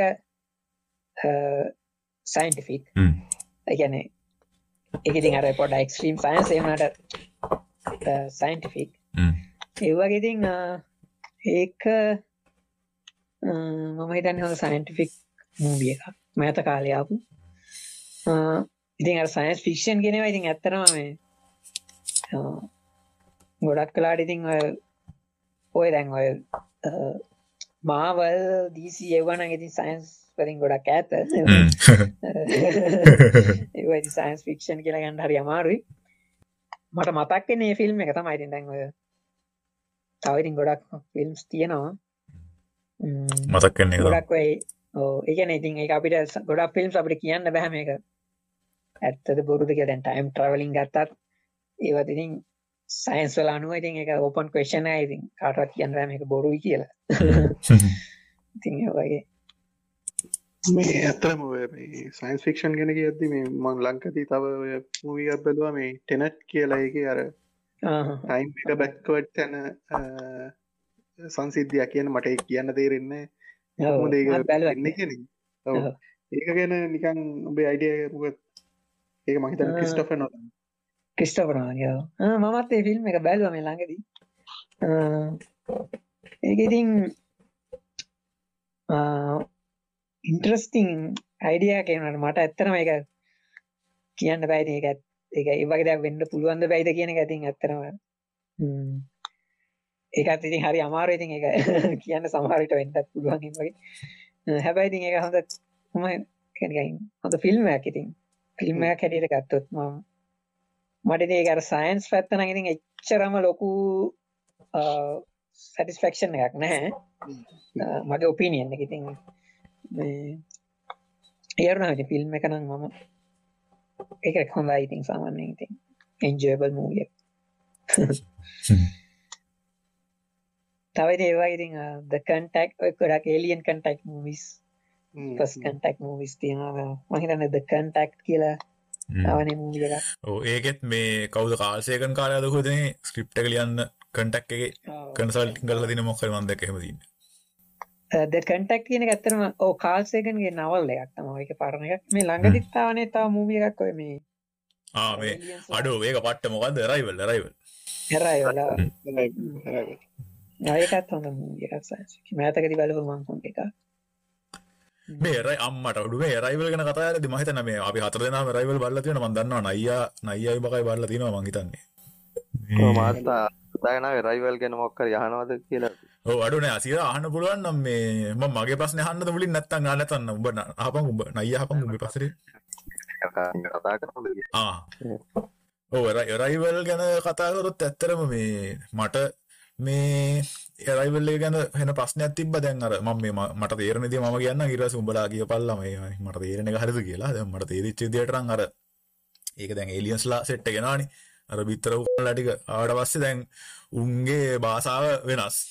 සහර උන්ගේ බාසාාව හැටියට කාලය උන් ප්‍රසීව් කරන විදිත් වෙනස්. මේ හැබැයි මට තේරෙන් නැත්තේ ඒකෙන් කොහොමද අර කාලය හරහා මේ යන්න හැකියාව හම්බුනේ අර ගෑනිට කියලා. ඒ කියන්න මේ ඕක දැන් අර මං රයිවල බලපු දස්සලාර ගිය සති අපේ වැඩසටහන සහභාගී වුණා මේ දුමිය කියලා අපේ තව යාළුවෙක්. ඔය ඌත් ඔය ගැන ඉන්ටරෙස්ට් කරා මං දුමිය ගැන උත් අහුවා ඕක එක සැරයක් ඌත් දීපු උත්තරේ මට එච්චරම සැටිස්ෆැක්ටරි නෑ. මොකද හිතන්නේ? ඒ ගැන ඒ කියන්නේ මොකක්ද එතන වෙන්නේ සීන් එක? ඒ කියන්නේ ඒක ජස්ටිෆයි කරන්න කොහොමද මේ භාෂාවෙන් කොහොමද කාලේ සීන් යන්නේ නමුත් එයා අර ටයිම් එකේ ඩිරෙක්ෂන් එක යාට පර්සීව් කරන්න පුළුවන් ෆියුචර් ෆියුචර් ඉඳන් යන එකයි මෙහෙන් යන එකයි. ඉතින් මං හිතන්නේ අනාගතේ දකින්න විතරයි. ඔසසරි ඕ යන්න ගැන මේ යාට කාලය ගැන යාර්තින පර්සප්ෂන් එක වෙනස් වෙනවානේ. මේ ඉති එහෙම වෙන්න කොමද හිතපංකු දැන් හිතපංකු දැන් පර්සීව් කරන්න නම්බං උබට ඒක ග්‍රහණය කරන්න මොක්කර තියන්න පැමන් කියන්න ඉන්ද්‍රියක් කියන වචනේ වැරදි වෙන්න පුළ ගැන මොක්හරි තියන්න පැ සෙන්සරයක් තියෙන්න්නනේ උබේගේ නැත්ත ඒක සෙන්ස් කරගන්න විදිිය තියෙන්න්න ඕන. දැන් එක පාට ඒයට හොම දෙක උඩින් පාත්තුව කියන මරදරන්න ඕ ඒක ඒක ඇත්තරම ඒක ඒකත් ඇත්තන ප්‍රශ්නය මටත් ඒකට උත්තරයක් නෑ ඇත්තරම එක ඒක තින් අර දැන් අපි බ්‍රේන් එක නව ටයිම් කියන එක ප්‍රසීව් කරන්නේ. එතකට ඉතින් අර ලැංවේජ් එක අපි වෙන විදික ලැංවේජ්ජයක් ගෙන ගත්තහම සමහරයට අපිට බ්‍රේන් එකට සුප පව එකක් කෙනවද විච්ච එක දකින්න කියන ඉතින් ඇත්තරම ඒක මේ අ, ඒක ඉතින් මටත් ඒක ඉතින් ඇත්තරම උත්තරයක් නැහැ ඒක මටත්. මමත් ඒක ඇත්තරම පැහැදිලි කරන්න මම මටත් බෑ ඒක. මොකක්ද ඒගොල්ලන්ගේ අයිඩියා එක කියලා මූවි එකේ? ඕ ඒකනික හරියට ගොත් දෙමලි ගනත්තාම තෝ සදන්න පුළුවන් ගුණාගේ සින්න කියලමට ඇතන ලැංවේජ්ජත් පවන්නනේ අරුන්ගේ ලැංවේජ්ජනය රවමට සිීන්න නැතියෙන්නේ එතතර වෙලාවේ අර මිඩල් එක හිටියොත්තේ මනික වටේම ටච් කරන්න පුළුවන්. එහෙම එක අදහසක් වගෙන තියෙන හැබ අනිත්ත කරවේ ඔය එක කාලය ගැන අදහසක් හිතාගන්න බෑ. හැබැ සාමාන්‍ය අපි සමහර මේ ලැංවේජ සිගන ගත්තාම අපිට දේවල් කියන අමුතු දේවල් දකින්න පුළුවන් කතන්දර තියෙනවන දෙකර මියසික්ුණත් එක ලැංවේජයක් නවසාන ගත්තොත්තේම ගොඩක් වචන තියෙනවනයකට ඒක ගැනගත්ත එකට අපි සිින්දුවක් කහනට වඩා දේවල් සැහැන්න තේරවාන දකින්න දේව එතකොට අර භාෂාවල ගත්තත් වෙන වෙන සිද්ධිවලට තියෙන වචන විශේෂ දේවල් වලට මහිතන එහෙම අදසක් වෙන්න මෙතනන්න කාලය සම්බන්ධ දේවල් සම්බන්ධන්නේ කියන ගැන ඕ එකර එන මමත් දකින්න ඒ කරනිකන් මේ. එන අපිට ටයිම් එක පර්සිව් කරන්න පුළුවන් ෆෝවඩ් ඩිරක්ෂන් එකයි බැක්වඩ් ඩිරක්ෂන් එකයි. හැබ අපි ලිමිට වෙලාදින අපේ ලැංවේජ් අප හිතීම එක. හරිට අර කොන්ටම් ෆිසික් ගෙන ගන්න ඔය මැත්සි ගෙන ගන්නඩන වගේ එක අන්ඩස්ටන් කරන්න ඒවගේ අයිඩියයක් වෙන්ඩ ඇති කියලා මට හිතන ගොල එකින් දෙන්න හදන් ඔය අයිඩිය කරන්න වැරිඩ්ඩේ කියන්න මං අර චොම්ස්කිකා නෝම් චොම්ස්කි කාරයාගේ ඉන්ටව එකක් බැලුව. දැන් ඌත් කියන්නේ අර මේ අපි ලෝකෙම මොඩල් කරන විදිිය එකන්න අපේ දැනුම ගොටනා ගන්න විදිිය හැමරෙද්දම බාසාාව මත අම්බානට පදනගෙනවා කියලා. කො නෝම්කාර නැතන් තවරට එක් කරකට උදාහරණයක් කිව්වා. මේ දැන් අර සාමාන්‍යයෙන් අර අපි අර අ, අර දේවල් කැටකරයිස් කරද්දි අපි නිකං අර ඩිස්ක්‍රීටලි ඒවා දේවල්ලට බෙදනවන සමහරලාට ඒකන්න දැන් උදාහරන ද මිනිකුට කියනවන මේ ඌනාකී කියලා. නාකී තරුණයි කියලා. තර ඒවගේ නාකි තරුණ හොඳ නරක සුදු කළුවගේ මේ දැන් එහෙම නැතුවර මංමොක්කරේ උදාහරණය කියව්වා. මේ යකා කියන්නේ මොක්හරික ට්‍රයිබ්බේක හරි චීන දමන්ද කොහරි එවුන්ගේ භාසාාවේ හෙමර ඩිස්ක්‍රීට් සෙට්ස් බෙදිල්ලක් නැල්ලු. ඒ කියන්නේ උදාහරණයට දැන් නාකිකුට උන් කියන්න නැල්ලු අරු නාකී කියලා ඌ කියන්නේ නිකන් අර ඌ රෙලටිව්ලි නාකී වගේ නිකන් ඒ වගේ වචනයක්ලු උන් යූස් කරන්න. ඒ කියන්නේ උන්ගේ ලැන්ග්වේජ් එකේ ඒජ් එක සම්බන්ධයෙන් එහෙම අර මේ සෙට්ස් දෙකක් හරියට වෙන් කිරීමක් කියලා එකක් නැහැ. ඒ කියන්නේ උන් කම්පැරිසන් එකක් විතරයි ඉලු කරන්නේ. අර ඒක නිසා දැන් අපි නාකියෙක් කිව්වොත් එහෙම ඌට ඒක අර අපි නාකියා කියන ෆීලිං එක ඌට එන්නේ නැහැ. ඒ කියන්නේ ඌ ඒක වෙන විදිහකට ඉන්ටර්ප්‍රිට් මැප් කරගෙන තියෙන්නේ ඌගේ භාෂාවෙන්. වර භාෂාව හැමදේට වචන තියෙනනම් ගොඩක් කර මාස්මෝකර උදාරණයක වර. කරන වයින් ටේස්ටිං කියලා කරන්නේ දැන්. ඒකර වයින්න එක තියෙන නිකාගේකට බිවොත්තේම ඕකේ රසවල් දෙක තුනා යෝක දැන්න ඇත බැර එක ඒ වචන මාලාව ඉගෙනගත්තකට ඊට වඩා දේවල් ඒක බිව්හම දැන්නවා. අපි කිල්ල බිවොත්තේ අපිට ඕකේ නිකන් මේක මේක මාට නෑනයක මේක මේක මොකක්ද මේ කියලා කියන්න ඇතු අරුට ඌට. සෑන දේවල්ටික පසි වෙන අර ඌ වචන මාලාව දන්න එකට කියන්න ඕන දේවල් ටික. එකද භාෂාවත් එකත් මගේ සෑන කරු දෙනවත් තියෙනවා. මේ අපි දේවල් පසිව් කරන එක. හැම. ඇහැට කන පංචේන්ද්‍රියට සාපේක්ෂ මර්ගෙත් සෑන බලපෑමත් තියෙනවා. මම ඇත්තට මේ පාටිකලයක් වයිකල භාෂාවන් ගැනතින් රෙවලෂනරි කන්සෙප් එකෙන් භාෂාවන් ගොඩක් අයි කියන පිළිගන්න අයිඩිය ඇත්තම භාෂාවන් ඇත්තරම හැදුනේ ගොසිප් කරන්න. ගැන ඉගැන භාෂාවේ අරමුණ තම ගොසිපින් කියන එක. දැන් ඒගොල්ලො ඒකට කිවේ දැන් ඔය ඇත්තරම මේ අයිඩියක තම දැන් ඔයා චිම්පන්සීස්ලා වඳුර වගේ ප්‍රමාණයක් එකට දාලා උන්ට පොදු දෙයක් කරන්න කිව තුන්ට හොඳ ලැංවේජ්ජයක් නැතුව එකතු කරගන්න පුළුවන් ප්‍රමාණය ඇත්තන හරි අඩුයි. ඉස්සර මිනිස්සු ඉතින් දැන් අර එක පාර සමූහයක් හැටියට ජීවත් වෙන්න ගන්නකොට ඔන්න ඉතින් ඒගොල්ලන්ට ඕනේ වුණා. ඉතින් දැන් කවුද මේක හොඳ? ඉතින් මේක නායකයා වෙන්න පුළුවන් කවුද? හොඳට දුනු හදන්න පුළුවන් කවුද? එහෙම කියලා අනිත් මිනිස්සුන්ට මේ හැමෝම දැනගන්න. හොරකං කරන එක කවුද? කියලා ඒක ඕන වුණා මිනිස්සුන්ට අර දැනගන්ඩ සවයි වෙන්නන කියන ගරුප් එක මුළු ගරු ඉන්ටිවිජුව සවයි වන්නත් ගරුප් එක හැටිය සවයි වන්නත් එක ඔන්න ඇතිහර එතකට ගොඩක් විසර්ජස්ලා කියෙන අයිඩිය ඇත්තා ලැංවේජ් කියන එක හැදුනේ ඇතරම් වේ ගොසිපින් කියන එක හැටියට තමයි. ඉතින් අපිත් ඉතින් ඇත්තරම රැංවෙච්ච ගොඩක් කලාට භාවිචි කරන්න ඒකරන ඕ ගොසිප් කරන්න ම ජාතියාගමයින්දනේ ගොසිප් පින්දම තමයි අර ලොකු ලොකු මිනිසුට එක්කවන්න පුළුවන් වෙලා තියන්න කියලා මුල් අයිඩිය ඇවිල්ලා තියෙන ඇත්තටම ජාතියාගම එන්න කලින් ගොසිප් පින්දම තමයි මුන්ටි එක්කව වෙලා තියෙන්නේ.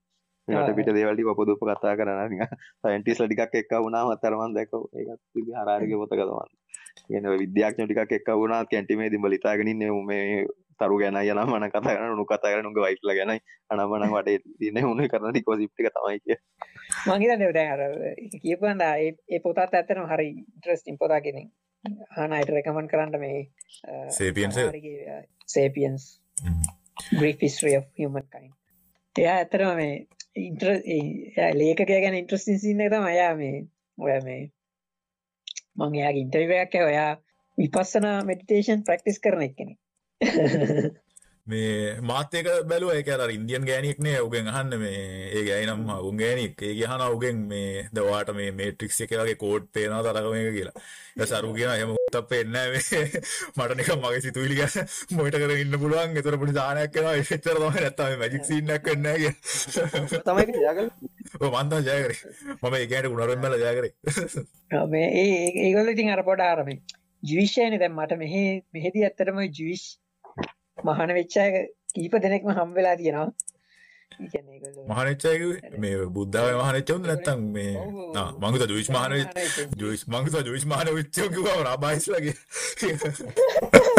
නෑ ඒ කියන්නේ ජීවිෂ් උන් ඒ කියන්නේ ජීවිෂ් අය මට දැන් ඇත්තටම හතර. නිකන් මම ඉතින් ඒක පොඩ ඉන්ටරෙස්ටිං ඉතින් මොකද ඇයි ඒගොල්ලෝ තේවිය අතහැරලා පොඩ්ඩක්. පැත්තට ගිය කියලා. ඒක ඒ කියන්නේ සයන්ටිස්ට්ලාත් හම්බෙලා තියෙනවා මට ඇත්තටම.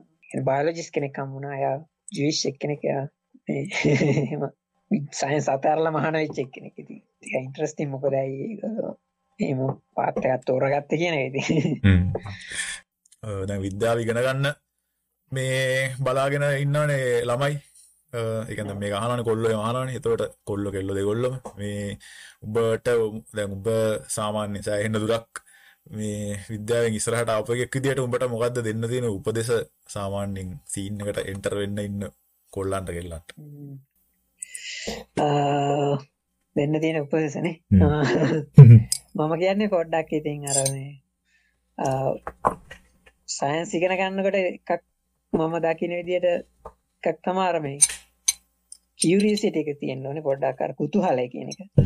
ඒවා වෙන්නේ කොහොමද? මේක වෙන්නේ කොහොමද? ඒක අර කවුරු හරි දැන් ඔන්න විභාගයක් ලියන්න හරි ඒකෙන් ඒකක් ගන්න හරි සයන්ස් ඉගෙන ගන්න එක අ, තේරුමක් නැහැ මම නම් හිතන්නේ. ඒක අර ඒක අර ජෙනුයින් ඉන්ට්‍රස්ට් එක තියෙනවා. ඉතින් ඒක ඇති කරගන්න අ, කියන එක තමයි මම මගේ පළවෙනි උපදෙස. අනිත් එක තමයි මේ ගොඩක් වෙලාවට ඉතින් කවුරු හරි එහෙම ඉස්කෝලේ යන කාලේ එහෙම එහෙම කවුරු හරි අහනවා නම් මම අනිත් දෙන්න දෙන උපදෙස් තමයි ඉතින් පුළුවන් තරම් කියවන්න ඔය සයන්ස් රිලේටඩ් ඒවා. අ, ඒ කියන්නේ ඒක ඉතින් අර මේ අ, ඒක ගොඩක් වැදගත් වෙනවා. ඒ කියන්නේ පොඩ්ඩක් සයන්ස් සයින්ටිෆික් මයින්ඩ්සෙට් එකක් හදාගන්න මේ පස්සේ කාලෙක ඒක ප්‍රයෝජනවත් වෙනවා. ඉතින් මම අර ගොඩක් සයන්ස් පැත්ත ඒවා කියවන්න කියවුවාම ඒක ඉන්ට්‍රස්ට් එකක් එනවා ඊට පස්සේ පොඩි අයිඩියා එකකුත් වෙනවා. කොහොමද සයන්ස් වැඩ කරන්නේ? කොහොමද ඒ ඒව ගැන පොඩි අයිඩියා එකක් එනවා. ඉතින් මම කියන්නේ එකක් ඉන්ට්‍රස්ට් එකක් හදාගන්න එකයි අනිත් එක පුළුවන් තරම් කියවන්න කියන එකයි හ්ම්. මගේ උපදෙස් දෙක එතකොට. මේ ඔය වගේ මේ හය ලෙවල් එකකට යන්න වැඩිදුර විද්‍යාව ඉගෙන ගන්න ලංකාවේ ඉස්කෝලවලයි යුනිවර්සිටි වලයි ටීච් කරන විදියෙන් මොකක් හරි හොඳක් තියෙනවද නැත්නම් නරක තැන් මොක මොක දකින්න දේවල් තියෙනවා මම දකින විදිහට දෙක වෙන වෙනම කිව්වොත් ඉස්කෝලයි ආ. යුනිවර්සිටි ස්කෝලවල මම හිතන්නේ මම හිතන්නේ සය- අපේ සයන්ස් එඩියුකේෂන් එක හොඳයි එඩියුකේෂන් එකක් හැටියට හැබැයි මම හිතන්නේ අර මේ අපි ඊට වඩා ටිකක් අ, මම කැමති ලංකා ඒ කියන්නේ මගේ පුද්ගලික මතය මම හිතන්නේ අර ලංකාවේ අර සයන්ස් කියන එක මීට වඩා පොඩ්ඩක් අර ඉන්ට්‍රස්ටිං විදිහට උගන්වන්න පුළුවන් වුණා නම් හොඳයි කියලා මං කියන්නේ ස්කූල් ලෙවල් එකේදී. ඒ කියන්නේ මං හිතන්නේ දැන් මට පුංචි කාලේ ඉඳන් විද්‍යාවට ඉන්ට්‍රස්ට් එකක් තිබුණ හන්දා මම ඉතින් ගොඩක් වෙලාවට මම ඉස්කෝලේ පොත්පත් නෙමෙයි අනිත් පොත්පත් කියවුවා ඒවා කියවුවා ඊට පස්සේ මගේ ගෙදර පොඩි ලැබ් එකක් හදාගෙන එක එක ඒවා කළා සහ මේ සහ මේ මේ උඹ ඉංජිනීරිං උත් අතහැරලා නේද ෆිසිකල් ලා ඔව් ඒ කියන්නේ මට භෞතික විද්‍යාව ඉගෙන ගන්න ආසාව ආවෙත් ඇත්තටම මේ කියවීමෙන් තමයි පොත් භෞතික විද්‍යාව සම්බන්ධ පොත් කියවනකොට හිතුණා මේක පට්ට සිරා එහෙනම් මම මේක කරන්න ඕනේ කියලා. ඉතින් මේ ඒක මම හිතන්නේ ඒක ඇත්තටම මම අර ඉස්කෝලේ සිලබස් එකට ඒ ටික විතරක් කියවගෙන හිටියනම් කවදාවත් මම එඩිෂන් එක සමහරට නොගන්නත් තිබුණා. ඉතින් මම කියන්නේ ඒක ඇත්තටම අඩුපාඩුවක්. ඒ කියන්නේ අර ස්කූල් දැන් අපේ ලංකාවේ අධ්‍යාපනය ගොඩක් වෙලාවට අර හැමෝම මම හිතන්නේ ඒක අර කල්චරලි හැමෝම කරන්නේ අර ඒක රස්සාවක් හොයාගන්න ක්වොලිෆිකේෂන් එකක් මිසක් අර කවුරුවත් අර ආසාවට ඉගෙන ගන්න දෙමව්පියවත් ගුරුවරුවත් බල කරන්නේ නැහෙනි.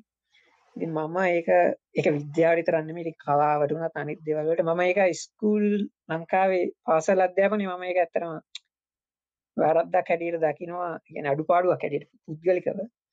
මේ අනිත් එක තමයි මම හිතන්නේ අපිට කැමති දේවල් තෝරගන්න දෙන්න ඕනේ මේ ඊට කලින්. දැන් අපි දැන් අපි 10 9 10 11 වසර වෙනකන් ඔය බුද්ධාගම සමාජ අධ්‍යයනය ඔය ඔක්කොම ඉගෙනගෙන අන්තිමට ඒ ලෙවල් වලදීනේ අපි සාමාන්‍යයෙන් කැමති විෂය තෝරගෙන මං හිතන්නේ ඊට වඩා පොඩ්ඩක් මේ කලින් ඒ කියන්නේ